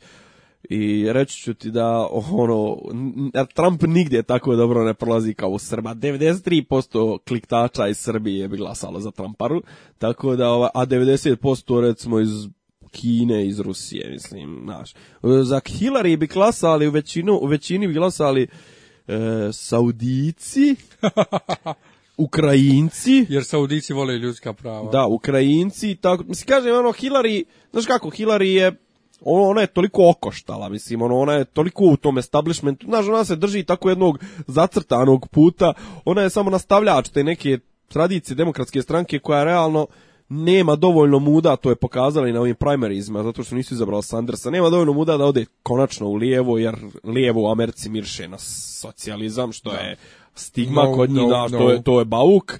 Ovaj, a kažem ono, mislim, a ona konkretno, ona i ta njena familija, fondacija, to sve su isuviše bliski tim bankama, tim, znaš, ona nikad se neće ovaj odrediti oko toga. E, iskreno druga stvar taj TT, TTIP, TTIP, taj trans trans e, Atlantic partnership, trade partnership, ovaj je prvo podržala pa posle bila protiv njega. Pa on je na kraju propao, mislim, ne, nije ona nije ona nikad bila protiv njega. Jes posle. Ma ne može ona biti protiv njega. bre. SS Kofole bila posle. Ma, džeđ, ba, znala je da će propati. Da, ali to je ono, ali to je ono Pro, propo je, Biden je rekao to je da je problem s njom, što ona žena laže kako zine. Ovaj, Zim, Trump, laže, zavisno... Trump laže iz neznanja, ona laže svjesno. Ne, ona, zine, ona laže kako zine, ona znači u jednoj publici priča jedno, drugoj publici drugo i sve tako. Naravno. Ovaj, I to je ono što mene ne rekao što ne vidi, ali vraću se na početak. Ne, ona kaže, ona jaše, ona jaše na Grace da. koristila da bi da bi ovaj e, da bi da bi ovaj ubijedila Jacka da glasa za Hillary ona može biti prva žena predsjednik, to može toliko toga da promijeni da Amerika bude ponovo tako velika i da ja kad sam bila djevojčica nisam mogla ni da sanjam o tome, na šta Keran dobacuje zašto su tvoji ljudi ubili Isusa. Da. Čekaj, ko je tu jevrej? Grace. Grace. Aha, da, da, da. Ovaj, i, znaš, ono, bukvalno to, to meni djetinjasto, naš prva žena. Dobro. Kao da, je, jebote, Kosovo i Republika Srpska su imali predsjednice već, ko Koga boli kurac što Amerika još? Ne, a kažem, znaš, kao kod, kod Hillary je i dalje se vrtimo, znaš, kao narodu Hillary, mislim narod, glasači, oni vide oni vide neku, ne vide Hillary, znaš, ono, neki ljudi u Hillary vide nastavak Obame, kao, znaš, neki ljudi u Hillary vide Bila, neki ljudi u Hillary vide ženu, Mislim, ali niko ne vidi nju zbog njenih stavova i ovaj, to sve njen stavovi su bljak. On nema stavove. Pa kaže, ne, pa ima ona stavove u fazonu e, čvrsto, ovako, onako, mislim, e, kaže, ali to su ti stavovi, pa nema to su oni priču. opšte, opšte socijalna, kako ga da kažem, socijaldemokratija, onaj levi centar, mislim, to su oni stavovi koji su toliko blah, to, to je nastavak ove priče, mislim, kod nje je naš, ono, kao ne, mislim, otprilike kao sve je dobro, znaš, kao, mislim, nije sve je dobro, nego kao, eto, još više ljudskih prava, još, ne, mislim, ja mislim da treba da se mijenja kompletna slika, znaš, ono, kod nje je sve kozmetika, mislim, ono, kozmetičke su promjene koje bi ona donijela, kažem te, ona je ono mainstream, baš je mainstream, mainstream medije vole ovo, ja stvarno mislim da ovi polovi što ovo pokazuju da to još uvijek ni, da to nije iskreno, jer ma ljudi garantujem da se više ljudi stidi što će glasati za Trumpa nego da, da, da ti ljudi kriju svoje opredeljenje. Tako da ovaj, a kažem ono 538, onaj čuveni sajt političko analitičarski ovaj i ti ovaj 538 je ovaj je rekao da otprilike njihova Kaže Trump koji drži zemlje nema šanse da ih izgubi jer sve zemlje ima e, sve te države ovaj u kojima ima vojstvo ima vojstvo veće veće od 4%. A Hillary u 3-4 zemlje te koje mogle da budu swing states države. ima e, države ovaj ima, ima vođstvo do 2, 2,6% što može da se okrene. Znači, ona može da izgubi te, i dalje kažu da je otprilike 270 treba tih elektorskih glasova. Ona ima 272, on ima 266, ali kao, znaš, ono, kao, on, on može da ide gore, on ima kao veći plafon, a ona, ona, ovaj, ona može da izgubi. Na. Tako da, ajde, dosta, dosta, dosta o tome. Eto, kažu kod otprilike, čisto pre, premosnicu, danas je Toma, tvoj omiljeni političar, juče je rekao, ajde Bakir da kaže šta je mislio pod time da će Dodik proći kao Gaddafi. Pošto je Bakir, Bakir je imao poslije referenduma, imao je jednu normalnu izjavu, je rekao, život se nastavlja, a sutra RS neće niko ukinuti i ajmo dalje. Znaš, ali onda je naravno nešto, tipa rekao što, što je najinteresantnije, mislim, jebeo mati, jo bojim se da se složim s Bakirom, mislim, Kirba, zlatna kačka, ovaj, bojim se da se složim s njim, ali mislim, mislim da je upravo, mislim da ovaj stvarno sebe, iako je loš primjer, mislim, loš primjer je Gaddafi, jer Gaddafi ovaj, Gaddafi je jedan platio što je davo pare pogrešnim ljudima, on je platio zato što je Francuzima ovaj finansirao njihove kampanje političke o Sarkoziju i ovoj ekipi, pa su odlučili da ga se oslobode kao kao nezgodnog svedoka ali kao tipa proće, ne znam, kao neki ti usamljeni, što je najgore, ja stvarno mislim da Dodik vodi sebe, ali ja bi najviše volio da vodi samo sebe, a ne cijelu Republiku Srpsku u jednu tešku izolaciju. Mislim, već dovoljno je tamo narodi i sve, do, da država je dovoljno izolovana, mislim. Ona trenutno predstavlja samo jedan rudnik i šumo, dakle se izvozi rudno bogatstvo i, i šuma, mislim, nije ništa drugo, znaš, ono, su u zapečku svijeta, a u, usred Evrope su Kažem, on to vodi sad u neki svoj feud, mislim. A hoću da ti kažem najinteresantniju stvar koju, na koju je mene ukazao moj stari na, na povodom ovog referenduma. Znaš, kaže, šta je referendum pokazao? Rekao, šta? Že pokazuje ovaj, da je Republika Srpska geografski podijeljena. Ti znaš da u distriktu Brčko nije bilo referenduma.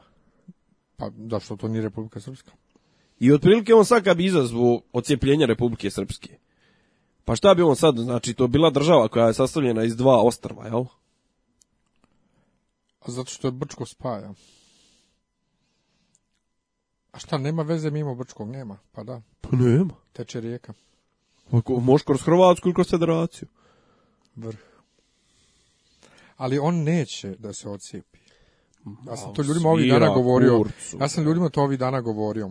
Sam ti rekao šta je sledeće, rekao sam šta je sledeći potez, ne, ne mogu, šta je sad problem, imam problem ko što ti imaš problem u većini stvari, ne znam šta sam napisao na Facebooku, šta sam napisao na, na forumima, šta sam tebi u privatnoj prepisci napisao. Pa šta sam rekao u podcastu? Šta sam rekao u podcastu, šta sam, ali znači sledeći referendum koji ide, mislim, ovo je bio probni balon, ali sledeći referendum koji ide je onaj jedini iskreni koji njega interesuje, taj da se ukine ili da se bar minimalizuju e, nadležnosti tužilaštva BiH i suda BiH. Tužilaštvo BiH i sud BiH su svojevremeno, mislim, kad su nastali, bili odgovorni samo za pitanja ratnih zločina. A umeđu vremenu su dobili neke nadležnosti i trenutno sad Mileta hoće da sprovode, mislim, ili tipa da ga privedu na saslušanje povodom referenduma, što je glupost po meni. Po meni mislim, ja mislim da Mileta treba goniti za malverzacije u, u privredi, u, u šte, za, za štelovanja tendera, za, za izlačenje love iz banaka, za Pavlović, za Bobarbanku, za ovo, za ono. A mislim, za referendum, to je politička odluka, mislim, ta referendum, druga stvar, kao šta on je, referendum je organizovan mimo volje, mislim, možeš misliti. Prvo, taj referendum nema apsolutno nikakvu obavezujuću snagu, vraćamo se na, na tu stvar. Znači, šta je tvoj, ajde, ajde, ajde da uđemo lijepo u priču o referendumu. Šta je, moje stanovište, problem? šta je tvoje stanovište, što, jesi ti za, za, jesi ti protiv, zašto si, mislim? Šta, ja sam bio za referendum, ako dobro. se sjećaš dobro. Pa sjećam se, nego zašto znači, si za referendum? Za, za, pa zato što je meni malo muka od tog ukidanja svega i svačega, dakle, kome smeta jedan praznik. To se slaže. Ne razumijem, znači, ne, ne mogu da razumijem. Međutim, uh, jedna naša drugarica iz, iz, iz škole, učeni generacije moje, Ana Kojić, je napisala bila status na fesu ne izlazim na referendum, a onda na jednoj grupi kod nas na Viberu je ovaj, pitala zar ne bi ljudi koji su protiv Dodika trebalo da budu protiv referenduma.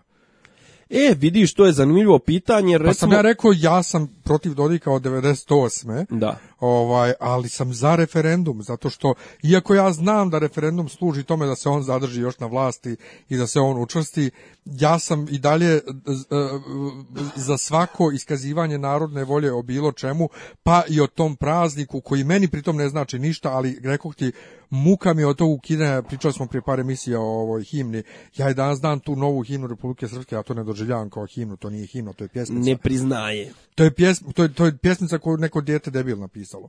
Ovaj, U, e, nemojim tako, znaš, ima par, par drugara naših koji možda ovo slušaju, a znaju se s tim čovjekom. Pa nek mu kažu slobodno, Taneć rekao.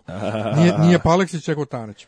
O, ja ovaj, se znam s čovjekom lično, pa ne mogu da evo. kažem, a meni je, mislim, pjesmičuljak, iskreno, ne mogu, ne mogu tako teška kvalifikacija, inače ne, ne da dajem u, u svom...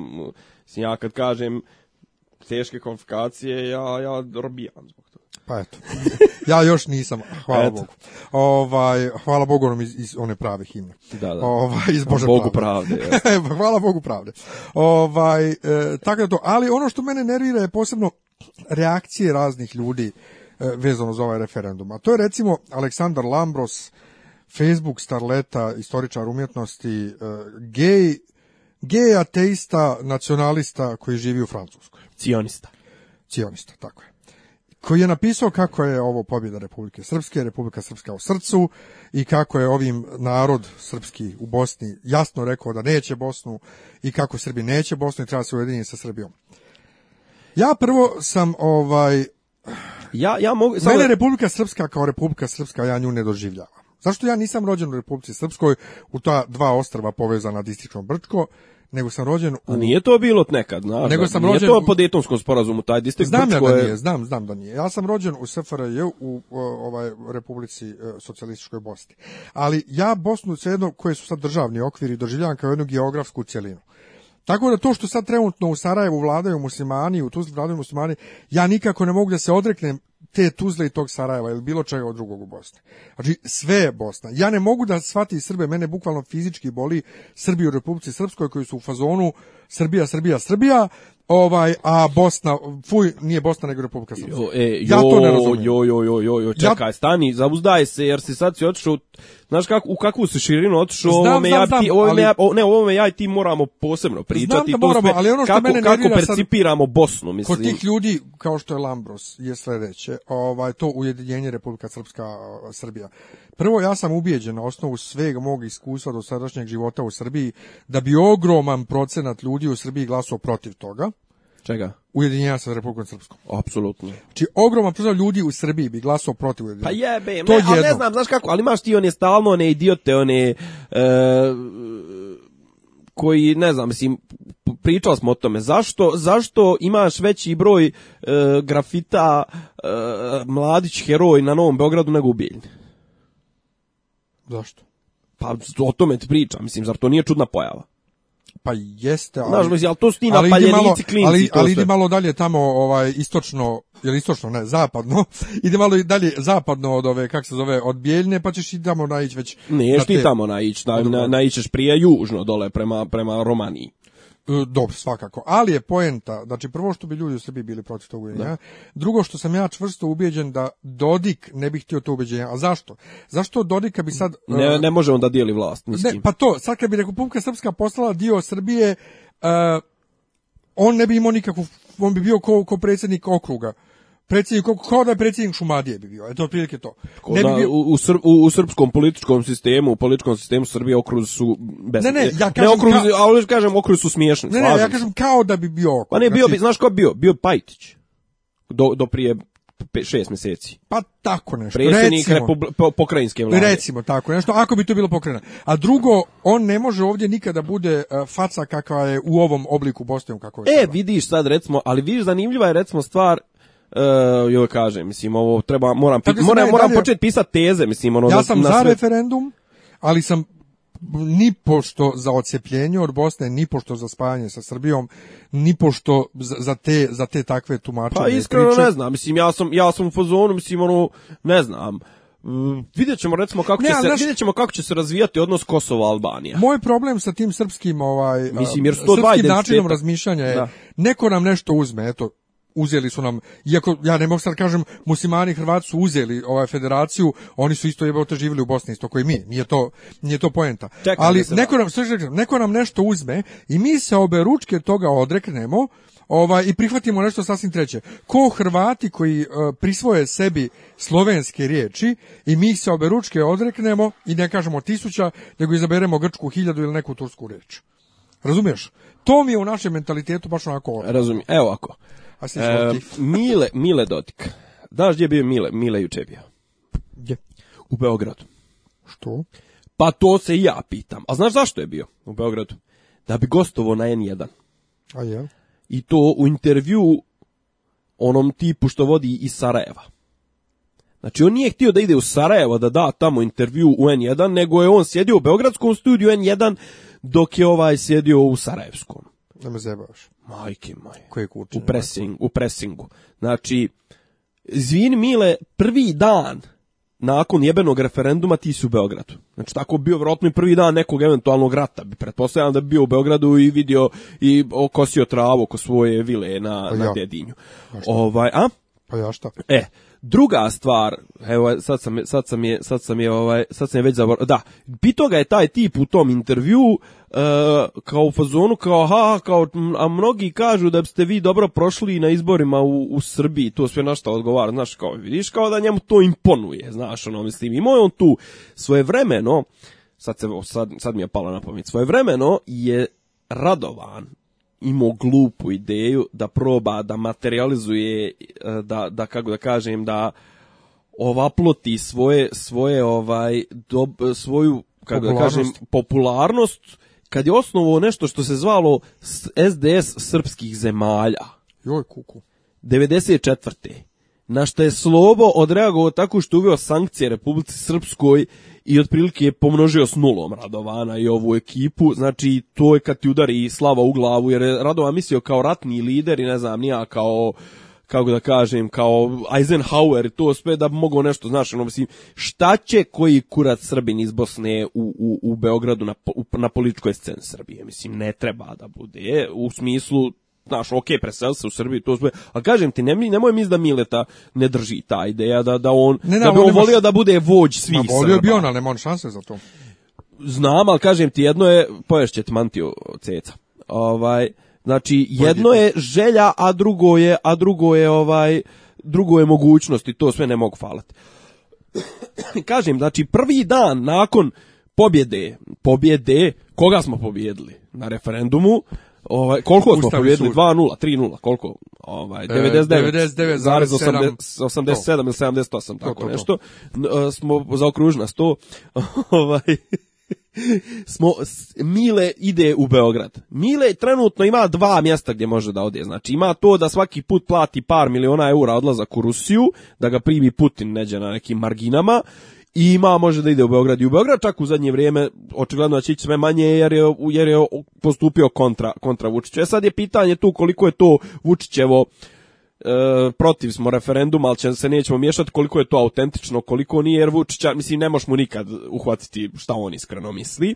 Ovaj, ali kažem, e, e, znači on prvi dan umjesto da tamo sabira utiske da vidi šta ćemo sad, mislim neko, neko od opozicionih lidera u Republike Srpskoj je rekao, dobro Mile, evo prošao je referendum, šta ćemo sad? On ide u Beograd.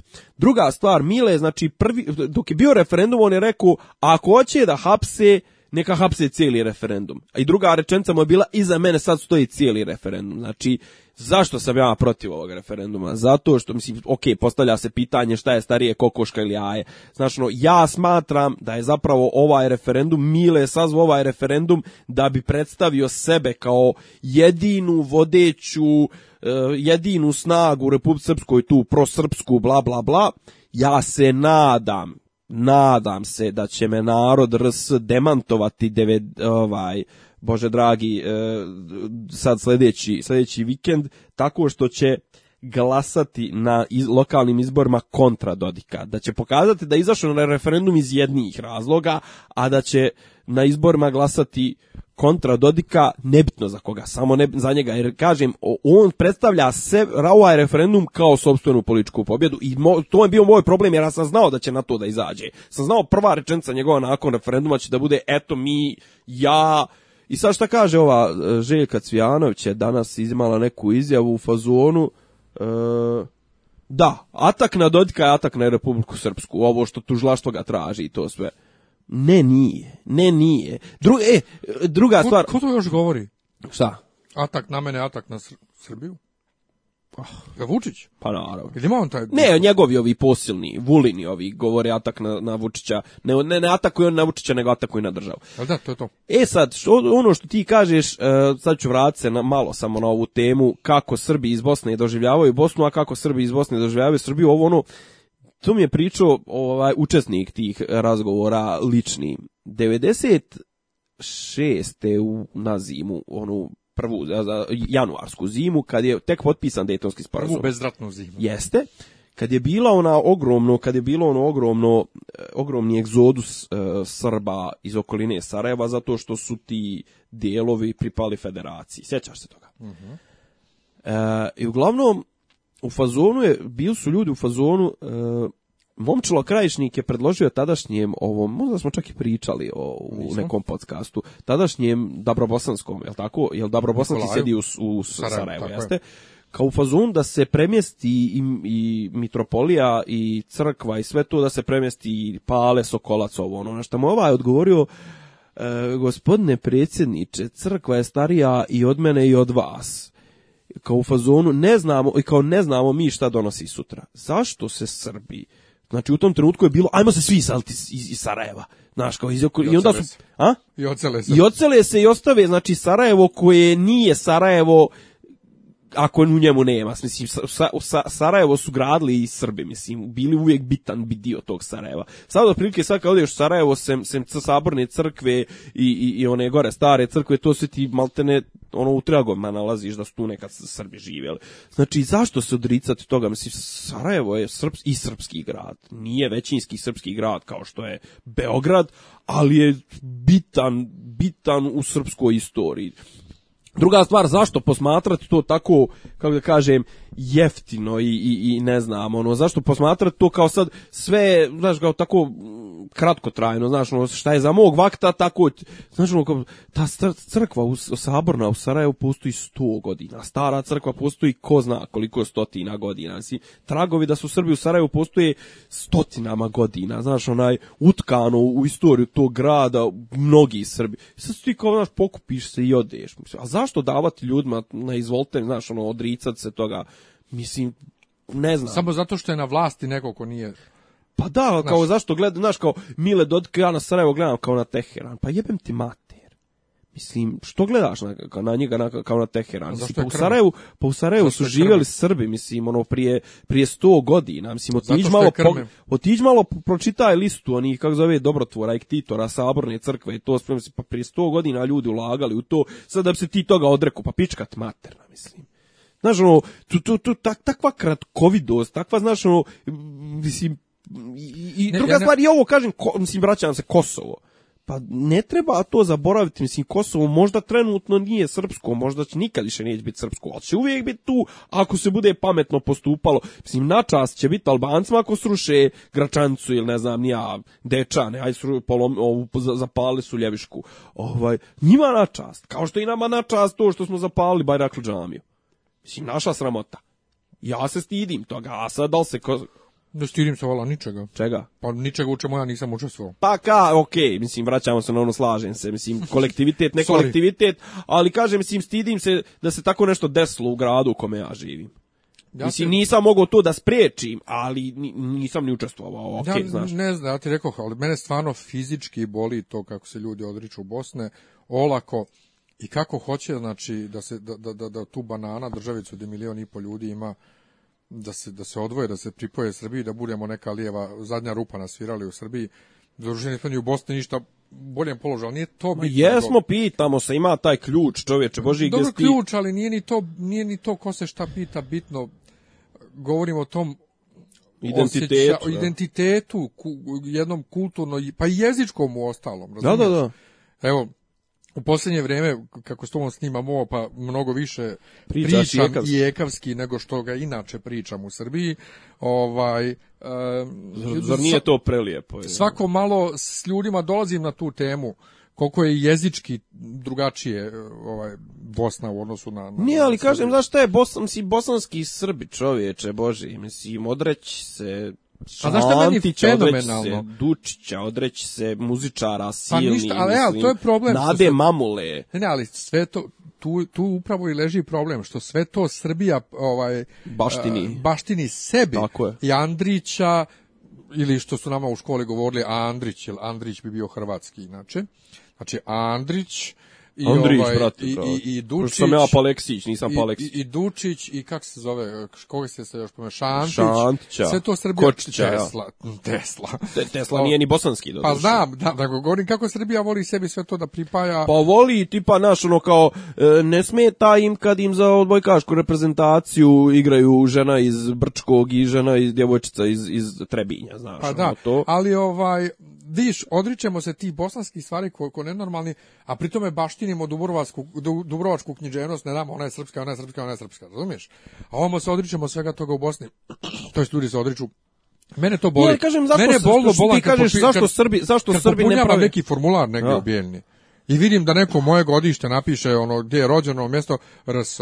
Pa jebem ti mater, nisi rođen u Rosa, rođen si u SRBiH. A dobro, ja, pazi, ja to uvijek idem istorijski, mislim, ono, u tom trenutku kad sam se ja rodio, ro, mislim, da. tad je bila SFRJ. Ja. Pa ne, ja pišem SRBiH, SFRJ. Ja SFRJ pišem, ja, okej. okay. Ono, Doboj, do, op, Doboj, opština Doboj, ovaj, Republika SRBiH, da. ja. država SFRJ. Znaš, ova djeca, mislim, djeca moje godište, za mene često djeca, ovaj, o, o, jasno, jasno, shodno jasno. načinu da, da. temama razmišljanja Kaže ovaj Republika Srpska. Kakva Republika? Pa isto sjetim se kad se vratio iz Njemačke čoveče, 97. godina, profesor istorije Romić, nama razredni, i pita nas onako za strani jezik koji učimo. I vi ste onda svi Njemci. 98% razreda u glas kaže, ne, mi smo Srbi. U glas. Ko pjesmica naučio, ja sam bio zapanjen. Tako da ono... Eh ne znam, ne znam, jako, jako, Kaže, jako mi je mučno. Prije, ali prije svega mi je mučno što sad tako ljudi koji sa svoje bezbjedne, bezbjedne daljine kao u Francuskoj komentarišu i, da, i da, da. daju tako velike ocene. Pritom, ja iskreno mislim da ne može niko da sudi o lokalnim dešavanjima ako nije tamo živio, pogotovo o kompleksnim lokalnim dešavanjima kao što je Bosna. Znači, ne možeš ti meni iz Francuske da mi pametuješ o tome šta bosanski Srbi hoće, šta neće, šta je dobro Kosovski za Srbin e, koji je živio u Beogradu, a sad živi u Francuskoj, bi sad da ti, da ti trlja o, o problemima šta, šta bosanski Srbi hoće, šta neće, šta je da. dobro za njih, a šta da. nije. e, ali ovaj- to je taj patronažni, taj odnos o kome smo već jednom pričali, koji mene isto e, nervira i to sve kažem ti, šta ima Toma da brani Dodika od Bakira?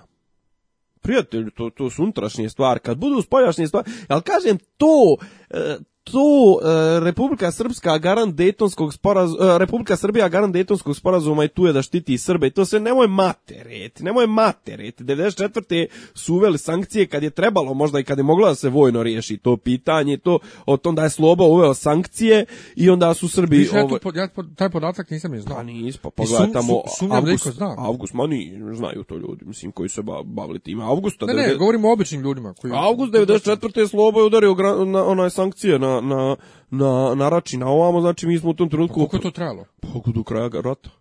Pa me zebaš preko godinu dana pa sankcije da, Srbija... Da, mislim da je tako, ajde sad. Kako ste da- preživili? Pa u Nemčiji bilo ono kao normal, bez pomoći, bez čega, bez ovog, bez onog, mislim, nije se moglo ništa. Pa za, kako smo preživili? Pa pala, pala krajina, eto kako smo preživili. Zato je i pala kraj. Ja sam se zapravo zapanjio, ja sam, ja sam ja to nisam ni znao. Išči, iščitaj malo. Ja ovaj, kad ja nisam znao, većina pa da, od ljudi verovatno Ali kažem ne, ti znaš ona, pa ne, al to je bilo, znači to je bio odgovor kao zato navodno zato što Srbi u Bosni nisu htjeli da prihvate neki mirovni plan. Jes. E, sad mi nešto zvoni u glavi. ne mogu da setim samo da li je Z4 ili je Vensoveno plan, ne mogu da se sjetim. Nebitno, god odvratno nebitno uglavnom odvratno je i sad kažem ti, e, vraćam se na svoju staru tezu.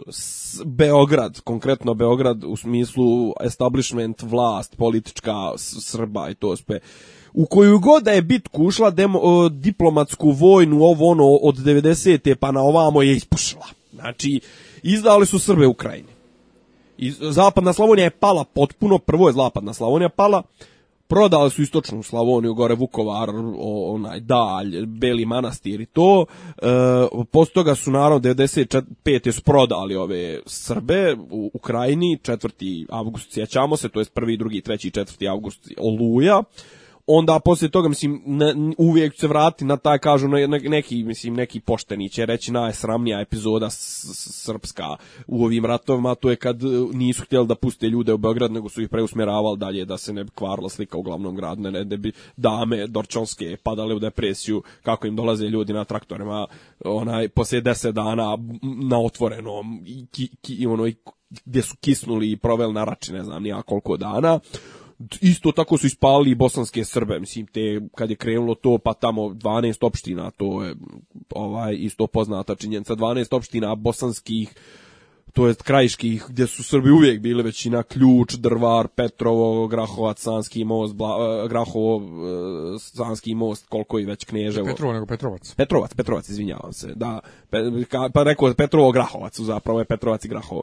Ovaj, znači gdje su, mislim, koliko mi drugara znamo iz tih predjela, mislim, ono, Kevac pod broj jedan. Pa, Kevac, meni su iz Petrovca o, bespravno izbjeglice bile u stanu, derventi nismo mogli pa, izistirati. Petro, pe, iz Petrovca su bili neki Čaletov, neki kolega ovaj, u Mupu je bio iz Petrovca. Dragana Ličina, mislim da isto tako nešto iz mm, Petrovca. Pod prezme, tako mislim, onaj Bubulji, oni doktor onaj u optičaru, u, u, u Bijeljnju majstvo drugarca, ovaj, on su iz Sanskog mosta. Mislim, ono, br, bruka ljudi, 99. Kosovo, 2005. Crna Gora, znači niko pod milim bogom ko se uzdo u Srbe iz, iz krajine, iz, iz, u Srbe iz Beograda, ta je najebo. Ako, a ostali nisu htjeli više sa Srbima iz Beograda. Znači, i onda Beograd ima kao ti, taj beogradski establishment ima pravo nešto, kao uzme za pravo sebi da nešto prospa pamet, brani nekoga Kenja ili ne znam, nija predstavlja bilo koga s visine. I onda kao, znaš, ono, stalno se vraćam kao zapad, kao vi ste lideri na zapadnom Balkanu. A znaš šta je zapravo zapadni Balkan u tim kad kad kažu evropljan zapadni Balkan, to je najveći i bijeda, znači i Rumunija i Bugarska nisu, jer je to kao navodno istočni Balkan. U Grčka da ne priča, mislim. E, Hrvati i Slovenci sebe ne smatraju Balkanom, što je jel, legitimno. Pa šta, mislim, oni sebe ne smatraju i nikad se ni ne broje kad kažu Zapadni Balkan, to smatraju na van, van zemlje van Evropske unije. Znači, Zapadni Balkan, kad kaže Srbija kao najbitnija zemlja na Zapadnom Balkanu, liderska... Srbija, Makedonija, Albanija. Albanija, Crna Gora, Bosna. Crna Gora, e, Crna Bosna i Gora Hercegovina. Evo, pod prilike. Tako da, znači, to ta, ti, mislim, mora se raskrstiti sa, sa tim mitovima i tom mitomanijom da, su, da je Srbija i Beograd da su neki kuraci. To sve Nema teoretske šanse. Mislim, da, da su bitni, da mogu nekoga da zaštite, da ovo, da ono, kažem, nemoj da Ivica Dačić, mislim, videli smo kako je bilo kad je SPS vodio račun o Srbima u Bosni 90 i nemoj da on više vodi računa. E, al to nije taj isti SPS, molim te. O, ali je lista radikalna stranka. Nije, i to je sad napredna stranka. Navlačim te. Da, navlačiš me. Ne, navlačim te, znaš šta je. Jesi vidio što hoćeš Hoću da, ja sam, hoću da te pitam nešto. Ako bi, ovaj... Ako bi, ako bi na predsjedničkim izborima u prvom krugu bio kandidat SNS-a, nebitno da li je Toma, da li je neko drugi, kandidat opozicije, nebitno da li je Janković, Radulović, Duško Kovačević, Vlade Divac, Novak e, Đoković i to sve. Sekund, jel mogu ljudi koji su sad u parlamentu poslanici biti kandidati na predsjednički? Mogu, samo što će mora da se da podnesu ostavka. Ukoliko pobjede ili uopšte? Ili za kandidaturu već? Ne znam, to ne znam. Okay. Nemoj mi držati. Iako s treće strane bude Vojvoda. Za koga glasat? Za Vojvodu. Ne seri. Majke mi. Pa ti nisi normalan. Zašto? Pa on je lažni opozicionar. Nema veze. Jo, upćeš me. Upćeš me, majke. Ne ser da bih na predsjedničkim izborima glasao za... Za, za Radulovića sigurno ne bih. Na, isto. Dobro, okay. Nema šanse. I ovo sad A za Vuka ovim... Jerebića? ne. Ne, iako moj sensej njega nešto, ovaj, mnogo... Kako? Moj sensej njega nešto stalno šeruje. Ne, ne, izgovor to po još jedno. Sensej? Bez i. Šta? Bez i. Šta bez sensei. i? Sensei. Sensei. Sensei. U, po japanskom. To je i je način produženja vokala, sam da znaš, znači kohe i sense. Znači, nije, nije, ne, sensei je pogrešna. Aj, pa čisto, ne, čisto vola da se iskuči, pošto učim Japan. I u američkim karate filmovima stalno govori sensei. Mogu vikat amerikansko ko će. A čuo sensei, čuo si sensei, pa, kako sensei. ne znam, sensei. Mani me se sad, evo, taj, znači sensei, njega ovaj, stalno šeruje za genseka ovog UN-a. I Osu nije pozdravala. Ha? Pričao sam sa majstorom karatea, da. ovaj, koji ide sa mnom na japanski Osu, to je nepoznat pozdrav u, u, u autentičnom japanskom i to. Ali dobro, svi ne. govore isto je neka za, zapadnjačka varijanta. A to što je zapadnjačka varijanta, ali Japanci sad sad, sad me već jebeš. Ovaj jebe. Japanci iz Kyokushin karate Svjetskog saveza govore os. Os. Na, znači tako da ono ako Japanci, ako Japanci karatisti govore us onda valjda ima nešto. Dobro. Ajde, i šta kažeš za za za šta, šta, šta, Ojama, za, za, rad, mislim, za... Stani, Ojama, Ojama je to valjda i Ojama, učvrsti, šta god. Dakle, šta, šta je sa Radulovićem? Ma nije sa Radulovićem ništa, nego ovaj gura Jeremića za Genseka i nešto ga puno Uj. šeruje. Nešto ga puno šeruje, ja sad ne mogu, glupo da ga pitam, e, jel ti, to, jel ti stvarno veruješ u Vuka Jeremića, jel to sad da bi ako, pošto je neki da li on sekretar neki Jeremić, nešto, neki Nikola Jovanović? Znao Znam ja, to je kao šef njegovog tima. On je i mene dodao na fejsu isto bio. Jel? I još, mislim, još uvijek ga imam. Nije mi jasno zašto, šta hoće čovjek od mene. Ovaj, ali Dobro. mislim da se s njim kao druži Žarko. Ovaj, I da ne znam da li računa na neku korist od toga možda za, za, za karate savez ili šta već, Ovaj sigurno ne za sebe lično, znači Žarko nije taj tip. Ali ovaj bi je to malo baš posmiješno, to mislim ja ne mogu da podržavam Vuka Jeremića ni u kom pogledu nigdje. Ja. Zato što je Vuk Jeremić dobio da bude ovaj e, predsjednik generalne skupštine UN-a i htio da zadrži za to vrijeme mandat u skupštini da znaš Ja imam problem sa Vukom Jeremićem pod broj 1, ja mislim da je on, prvo on je čovjek on je tačno ono dijete komunističkog establishmenta, to znaš. Ali to, ali oportunista ko si Upravo to, hoću to da kažem, znači Vuk Jeremić... Ovo je drugi put da nekog poredim sa Sidom, za koliko sam... Sa? Sa Sidom, rekao sam da je neko oportunista ko Sida ranije, ko? Jes, ne mogu da se setim, nekoga se isto... Za nekog, tako. nekog polišta. Šta je da. fura sa Vukom Jeremićem? Vuk Jeremić je čovjek koji, on, ja, ja mislim da on nije spreman da bude van vlasti u bilo kom obliku, ja mislim da on nije spreman da bude opozicija, on čovjek spreman samo da dođe na gotovo i da bude uvijek uz neku vrstu vlasti oportunista. Ja mislim da bi on mnogo bolje lego s Vučićem, da bi mnogo bolje kliknuo s Vučićem, da će možda čak i biti njegov kandidat nego, nego kao opozicioni kandidat. Jer on je čovjek ušao u, u, u politiku, u demokratsku stranku kad je demokratska stranka bila na vlasti. Uh, ušao kao učenik e, Borisa Tadića, on je 75. godište, recimo da je ušao 2004. ili tako nešto, znači kad je već došao na gotovo. Znači on čovjek nikad se nije borio za svoje, za svoje pozicije, borio Evo, za... sad se bori u UN-u.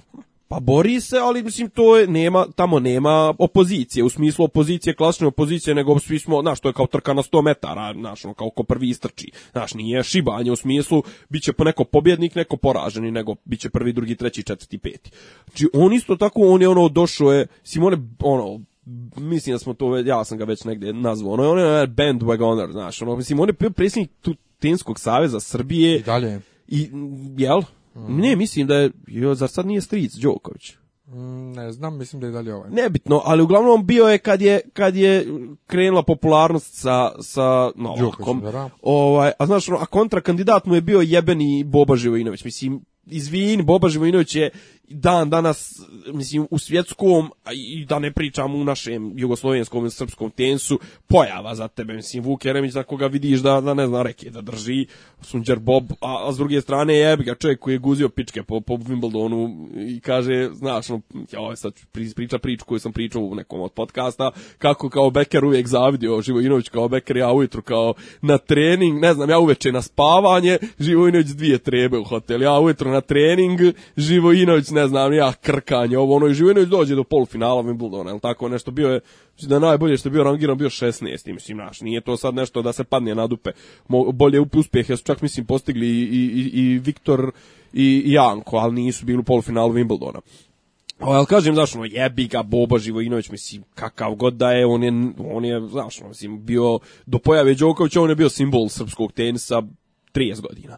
I onda kaže te on naš uskoči u to, znači pravi, onaj kažem te onaj onaj oportunista, onaj pravi, onaj što će iskoristiti svaku priliku, kažem, onda vodi opoziciju da se nešto sukobljava s Vučićem, to sve, a pogotovo ako zna da su mu izgled da pobjedi slabi kažem to, on će prije biti kandidat, kandidat SNS-a i znači evo, vidjet ćemo, a, znaš, ono, mislim, nije neke, nisu, mi, nisu mi neke šanse da mi prođe ova, kako zove, e, prognoza, otprilike hladiončarskim rečnikom rečeno šanse da bude ovaj Jeremić kandidat SNS na predsjednički izborima s vjerojatno jedno 1 na prema 25, ali kad bi se kladio na to, dobre pare uzme. Dobro, pogotovo ako pobjedi u, u, u jedinim nacijama, onda... Neće pobjediti.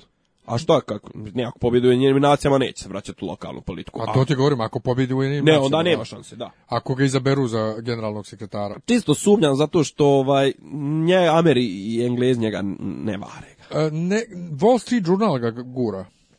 Wall Street Journal, skup, skup mi dovoljno para, znaš kakav ću da objavim afirmativan članak od tebi ovom podcastu. Dobro, ovaj, ček šta sam još htio da kažem.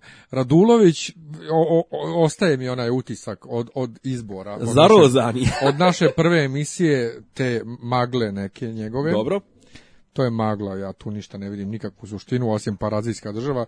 Njegovi botovi nisu ništa bolji nego botovi Vučićevi. I je vrlo su agresivni. Užasni su, uh mhm. -huh. ali i sad ovo sa ovim porezima, ovo, ovaj, o, o, što je dobio iz Amerike, pa sad dokazuje da ne duguje. Pa na kraju kao ispostavilo se, možda, izgleda nije ishendlovo, na kraju ispostavilo se da on trenutno ništa ne duguje i da on našu donio neke papire, ne, ne, ali on to, papire... objavio, on je to objavio u, u, u autorskom tekst tu nedelju. Dobro što je objavio, nego što je objavio sa zacrnjenim sa... datumom kad je tražio. Što, što je glupost. Što je baš glupo. Ne, a, a, a, nije moro. Svi tako kažu, svi kažu da tako nije da to baca ogromnu sjenku na taj njegov da. papir koji on prezentuje. A što si ti bato zacrnio datum? A da. što da je zacrnio taj broj poreski svoj, to je koji JMBG nešto, jel te? Dobro. Nego što je zacrnio datum, što si zacrnio datum, brate? Tako da ne vjerujem ja njemu nešto uopšte. Ne, ne budim. Ne, Tako da, kažem, da, glasno, jasno, da, glasao bi za Vojvodu. glasao bi za Vojvodu. Ajmo dalje. Joj, moram sad jednu, uf. Šta? Ti nisi, ali ja jesam. Ja sam gledao u nedelju, ovaj, usri, e, to nam je rekli to će biti tema, ovo, e, da li je Adi Nađ Marso ženu ili nije? A, to. E, pa u sredu ja sam video da je to najavljeno i generalno to je, to je eksplodiralo medijski slučaj e, nasilja između navodnog nasilja ili kako već pričat ćemo o tome. Tuko je na mjesecu, bila je maloljetna, bila je Silovo je kaškom, varjačom, e, pred sinom, e, tuku, dijete, ona je tuko dok je bila trudna, zbog toga dijete ima urođenu kataraktu, misli katastrofa.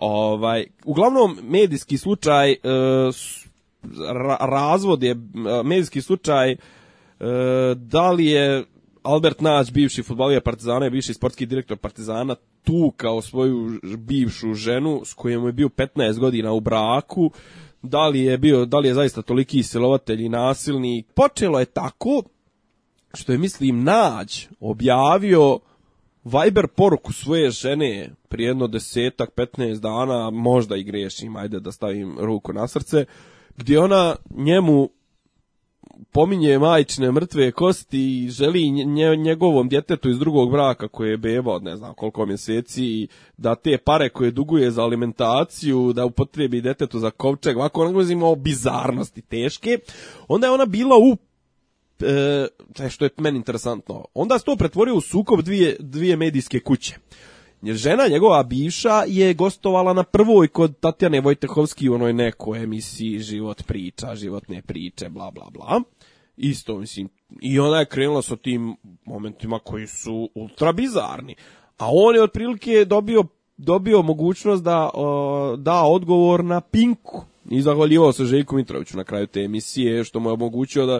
To je bilo ona crna hronika specijal ili tako nešto. Uglavnom, imamo scenu, mislim, gde su dva ljudi poznatih, mislim pozna, on je poznat žena, ona je njegova, ona je poznata zato što je njegova žena, se prepucavaju preko medija i jedno i drugo to rade radi djece, mislim. Iznose takve prljavštine da otprilike to nema ni u velkom bratu, ni u kod ovih starleta, ni kod ovog, ni kod onog. Kažem, na kraju se pretvorilo se u sudar e, dvije medijske kuće, kažemo. Sad ćemo da vidimo ko je jači, da li je jači Pink ili je jači ili jača prva, to jest ova, kako se zove, prva antena, jel tako, to je ovaj konglomerat B92, prva, bivši Fox antena, to je na grčka, grčka firma.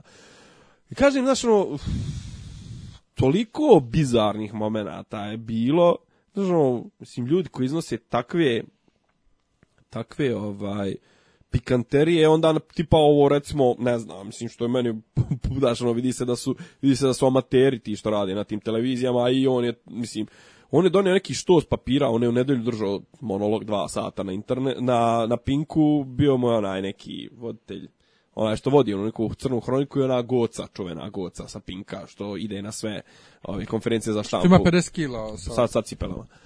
O, I on je tipa svaku, svaki papir koji prikaže, na televiziji ti smogao ladno da iščitaš JMBG, brojeve računa, adrese, znaš, ono, mislim, vidiš da su amateri potpuni, znaš, ono, mislim, takve stvari se zacrnjuju, takve stvari, znaš, ono, mislim, tipa, ne znam, da, papir na kome piše gdje je njegova svastika sadašnja plaća nešto, plaća u njegovo ime tu alimentaciju, ovo, ono, I recimo, jedan od stvari, znači, ja, čak ajde ostavljam taj sudar, sudar titana, taj moralni sukob, ali recimo jedna od stvari koja je izašla tu, koja je meni zanimljiva je recimo, da li ti znaš da je školarna za djecu, između ostalog za njegovu djecu, kod ovog ministra sadašnjeg, e, Šarčevića u tom Ruđeru Boškoviću, gošća školarna je 12.000 eura u srednjoj školi.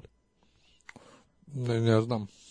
12.000 eura jebena srednja škola, halo čoveče, pa ja za 12.000 eura mogu ti organizovat 12 godišnje, znači to je 12.000 eura, to je 1.000 eura mjesečno, stvar čak nije 1.000 eura, ako je, koliko traje godina, 8 ili 9 meseci, koliko traje?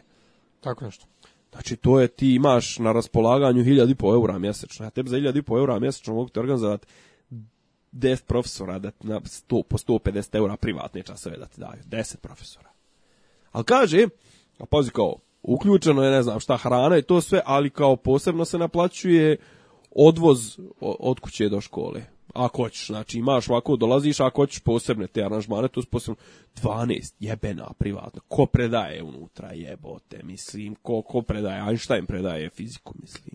Da imaju vreme plovi do vode poznate naučnike da predaju. 12.000, ja, ja sam i dalje frapiran možda najviše tom činjencu. I to, e, to, je, to, je, to je budućnost koja nas čeka, pričao sam u nekom od prošlih podcasta, nešto sam pričao o tome, to će biti, ovaj, mislim, takav čovjek je nama na čelu ovoga ministarstva obrazovanja. I on će otprilike ove e, ovu sirotnju raju će da iznajmljuje, sirotnju đake će da iznajmljuje tamo onim nekim e, koreancima za, za besplatno a pod, pod firmom toga da se djeca obučavaju Aha. za realan rad, a on će u svojoj školi da naplaćuje 1000 eura mjesec, 1000 eura mjesečno 12 mjeseci godišnje.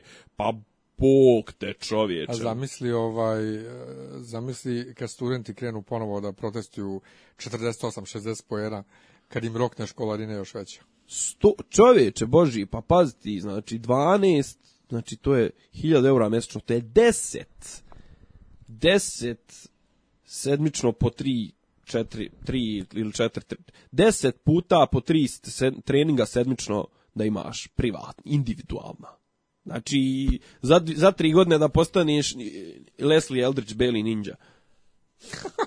deset, pa ne, kažete, ja još uvijek nisam u... Druga stvar, kažem, e, očigledno, mislim, to je sad sklop taj, futbaler i žena futbalera. Navodno, on je dolazio po nju i kao klinac, mislim, on je tipo oženio je nju kad imao 21, ona je možda imala 19, 20. Imala je oko 17 godina. E, pa moguće, ne, kao tipa startuju je, kad, startuju je kad je ona imala 14, mislim, i on je kao dolazio po nju gradskim prevozom, pošto možda ja da nije mogao tad ni da vozi, ni, ni svašta. Ovaj, uh, kažem, to je sad, mislim, sklop, mentalni sklop. Futbalija, žena futbalija. Mislim, on je tu iznosio pikanterija, ali meni, meni je fascinantno da, da ljudi imaju potrebu da takve stvari, tipa koliko je ona potrošila na haljne ili tipa šta je on njoj radio, mislim, pred djecu. I onda on, mislim, onda on šalje, onda on daje na uvid Viber poruke sa svojom djecom. Pa, pa jebote, mislim. Kažem, znaš, slušaš nju, knedlati u, u grlu, da li je moguće da je toliki idiot, mislim, da, da li je moguće da je, mislim, tako zlostavljao i to sve.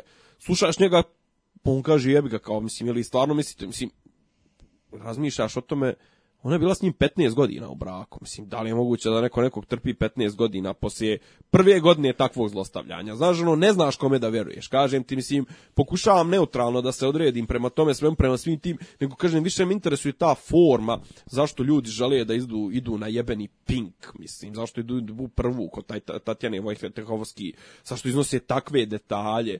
E, kažem ti, mislim, i tako ti neki momenti tipa ta školarina, ovo ono. Znaš, ono, kao on je njoj tipa 2000 je plaćao, on je plaćao sve školarne, on imao platu Partizan 5000 eura, i mi od toga imao dvije, njoj davo 2000 alimentacije. I naravno sad više nema para. I kao, pa gdje su pare?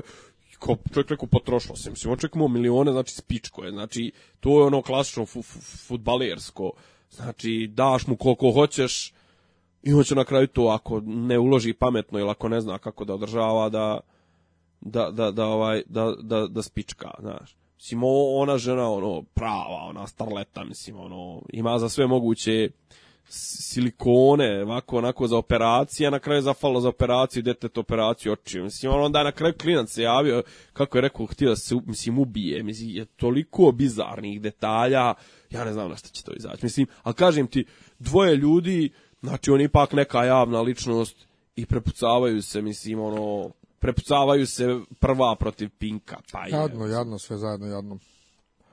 Jadno. Ne znam, ne znam, mislim, ono... Bože, sačuvaj. Šta smo još rekli? Šta je bilo još?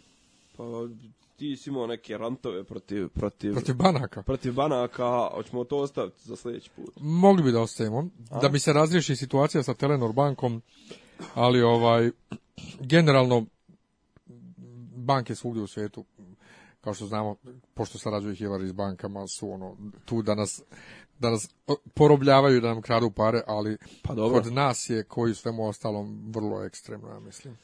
Šta si lijepo gledao ovih dana? Šta si čitao i to sve? Ja sam gledao NFL, ti ne pratiš to, a počela je sezona, se malo zahuktala, treći, ovaj, ja ću kad bude Super Bowl. Ja. Ovaj... Šta sam gledao? Čitao sam, čitao sam, ovaj, čitam i dalje Mračnu kulu, završavam četvrtu knjigu. E, možda večeras odem da gledam sedmoricu veličanstvenih. Iako mi je žao, ja nisam gledao original još sa Steveom McQueenom. Ovaj, Uf, vrhunski film. Charles se, Bronson i, i... A on se pominje... Da li Charles Bronson? onaj što barata noževima. Moram da normalno. Znam samo za Steve'a McQueena zato što u uvodu Mračne kule 5 koji sam ja prevodio ovaj King citira. Samo ne mogu da setim ali James Coburn tu. King citira, a a? Ovaj film sad sa Denzelom i Chrisom Prattom i tako. Dobro. Dobio je dobre kritike. Što pa znaš kako, dobar je film kao film, mislim. Ne, ne, ne, ovaj dobra sad je priča. No, pa ne, okej, okay, ali sad je samo se postavlja pitanje da li je to da li je potreban ili nije. Pa, kažu da je onako klasični western, dobro, ali je malo moderno snimljeno, jer da ja ne volim tako te stare filmove. A sad kad bi gledao sedam veličanstvenih original, moram da gledam i Akiru, sedam samuraja, samo se ubijem gledajući. Pa original, naravno, original. Naravno. To je original, original. Šta se uvijek pa, gledaš? Ne znam, znaš kako. E, pa pričali smo skoro o tome. Sedam veličanstvenih, sedam veličanstvenih je dob, dobra zabava, cjeloviti film, zatvoren film, dobro snimljen, lijepo. Mislim, ako pitko za oko. Sedam samuraja je... Sedam samuraja je ono kako, kako bi rekli englezi, ono, immersing, znači, ti i uroniš u taj film. Tu je i, i kamera, i, sve, mislim, činjenica da je taj film snimljen 50 i neke, mislim, 50, 56. Brukaj se, znači, dobri glumci, dobra sprema. Mislim, meni je sedam samuraja. E, ti voliš, ti voliš te japanske ne, spore Ne, ne, kadrove, dobar mi je, ovo, evo, recimo, evo sad sam iskopao, da, mislim, Yul Briner, ovaj, James Coburn, mislim, koji je meni ista faca kao i Steve Queen, isto ima tu tu maskulinu mušku facu. Jel Charles Bronson? Ma da što, ja šta je, onaj, onaj što baca, što baca noževe, ovaj, ila, kako se ila, volah, ovaj, ili eli, kako ga hoćeš, postoje jevrejn, ovaj, vrhunski film, vrhunski film. Uh, Jesam li ja preporučio film Ark sa Netflixa, nisam, jel? Ne. Da? To mogu da preporučim, ali znaš prvo to Pa nemam ja, kažem ti, ja sam recimo ove, ovaj, ove sedmice 30 godina od pojave Dilona Doga. Ja preporučujem ovaj da se vratimo nekim dobrim stripovima, o, u sljedećim nekim podcastima ću da pričam o nekim, o nekim stripovima koje ja volim, koje ja volim da čitam, a Dilon Dog je jedan od njih. Prva veća investicija u Beogradu kad sam došao da živim mi je bilo tipa tadašnji nekih 100 maraka sam skupio nešto da kupim kolekciju Dilan Dogova, ali onu predratnu, onu novosadski dnevnik što je izbacivao. Novosadski dnevnik je kod nas tada ono izbacivao te američke, evo bože američke, te talijanske stripove, te Bonelijeve. Zagora, e, ono, zlatna serija Luno Magnus stripa s druge strane su imali ono, e, najpoznatija dva su bili Dylan Dog i, i Martin Misterija, uzane neke Nika Rajdera, bla, bla, bla. Ali kažem, eto, ovaj, mislim, dana, ovo to radi sad vel, e, veseli četvrtak, Uh, i tvoj drugar Ognjanović piše za, za Dylan Doga piše jednom mjesečno neke pogovore, uvodnike, ne znam nija tačno šta. Imaju, mislim, zanimljivo, imaju kao i u boji. Moj drugar je urednik Vesela u četvrtka. Jel? Da, Dušan Mladenović. U, svaka čast. Tako da, eto kažemo, ona, čitajte neke lepe, lepe stripove, gledajte NFL, zašto gledajte NFL? Zato što nema zvezde, nema partizana. Uvijek, uvijek se vraća. nema, nema, nema prepucavanja, sad imaju tu kao neku pričicu oko toga E, klečanje tokom sviranja himne, ovo ono, mislim možda se ispratio, mislim taj Colin Kaepernick i to sve, pa kao Black Lives Matter ovako, onako, mislim on neki polu crnac, polu bjelac koji inače zara, zara, ono, ima ugovor od 100 miliona dolara i kao sad tu on se osjeća sa ugroženom crnačkom, crnom rasom jede govna za sve to pare. To SNL kad se tvrdilo The Day When Beyoncé Turned Black. Da, kada je da. Beyoncé postala black. Uh, film, ne mogu da vjerujem da nisam preporučio u prošlom podcastu, Ajde. Netflixov film Ark, ima Dobro. petro glumaca ukupno, uh, vrti se jedan određeni vremenski period u krug. Rašom, on ima tri, pa, pa ne smeti ništa. Molim? Rašom, on ima tri glumca, pa ne smeta nikom pa ništa. Pa da, znači vrti se jedan vremenski period u krug, postapokalipsa, ali ne vidi se puno ništa vani, kamer nije film prilično onako jako je dobro snimljen, jako je dobro odglumljen, ovaj triler je uh, i dobar je pogotovo za ljude koji vole priče poput dakle ovog dana mrmota i slične a ja obožavam priče te gdje se vrti. Izgledao Rašamo. Gde se vrči, vrti taj jedan kru, ovaj vremenska linija. Izgledao Rašamo. Nisam. O, pa ti to moraš da gledaš. To je prvi Kurosavin film s kojim sam proslavio na zapadu. Ista Opet, priča. Zašto mi stalno guraš te Japance? Ista priča, sluša, ista priča e, ispričana iz vizure četvoro ili petoro ljudi, a, o, a tri lika se nalaze, znači. A, to je znači. ekstra. Ovaj, I sad šta je fura, šta je istina, kome verovati, jer svaka je ono što kažu plauzibilna. Da, da. Svaka, svako, možeš da, svako je možeš da proveruješ. To je ekstra. Tako da, dakle, da, ARK, ARQ, ovaj, ako nemate Netflix, skinite ga, onako dobro. gledate dobar film. Eto, živ bili, veliki porasli, vidimo se, čujemo se posle godišnjeg. Tako je, čao. Ćao.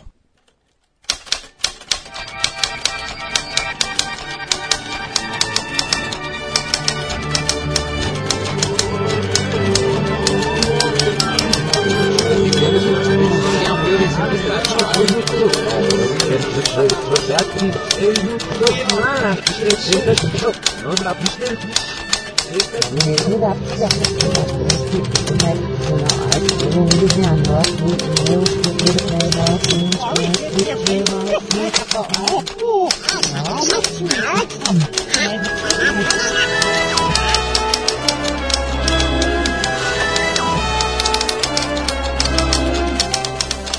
Dopisi iz Disneylanda. Tišina tamo, ništa mi nije smešno.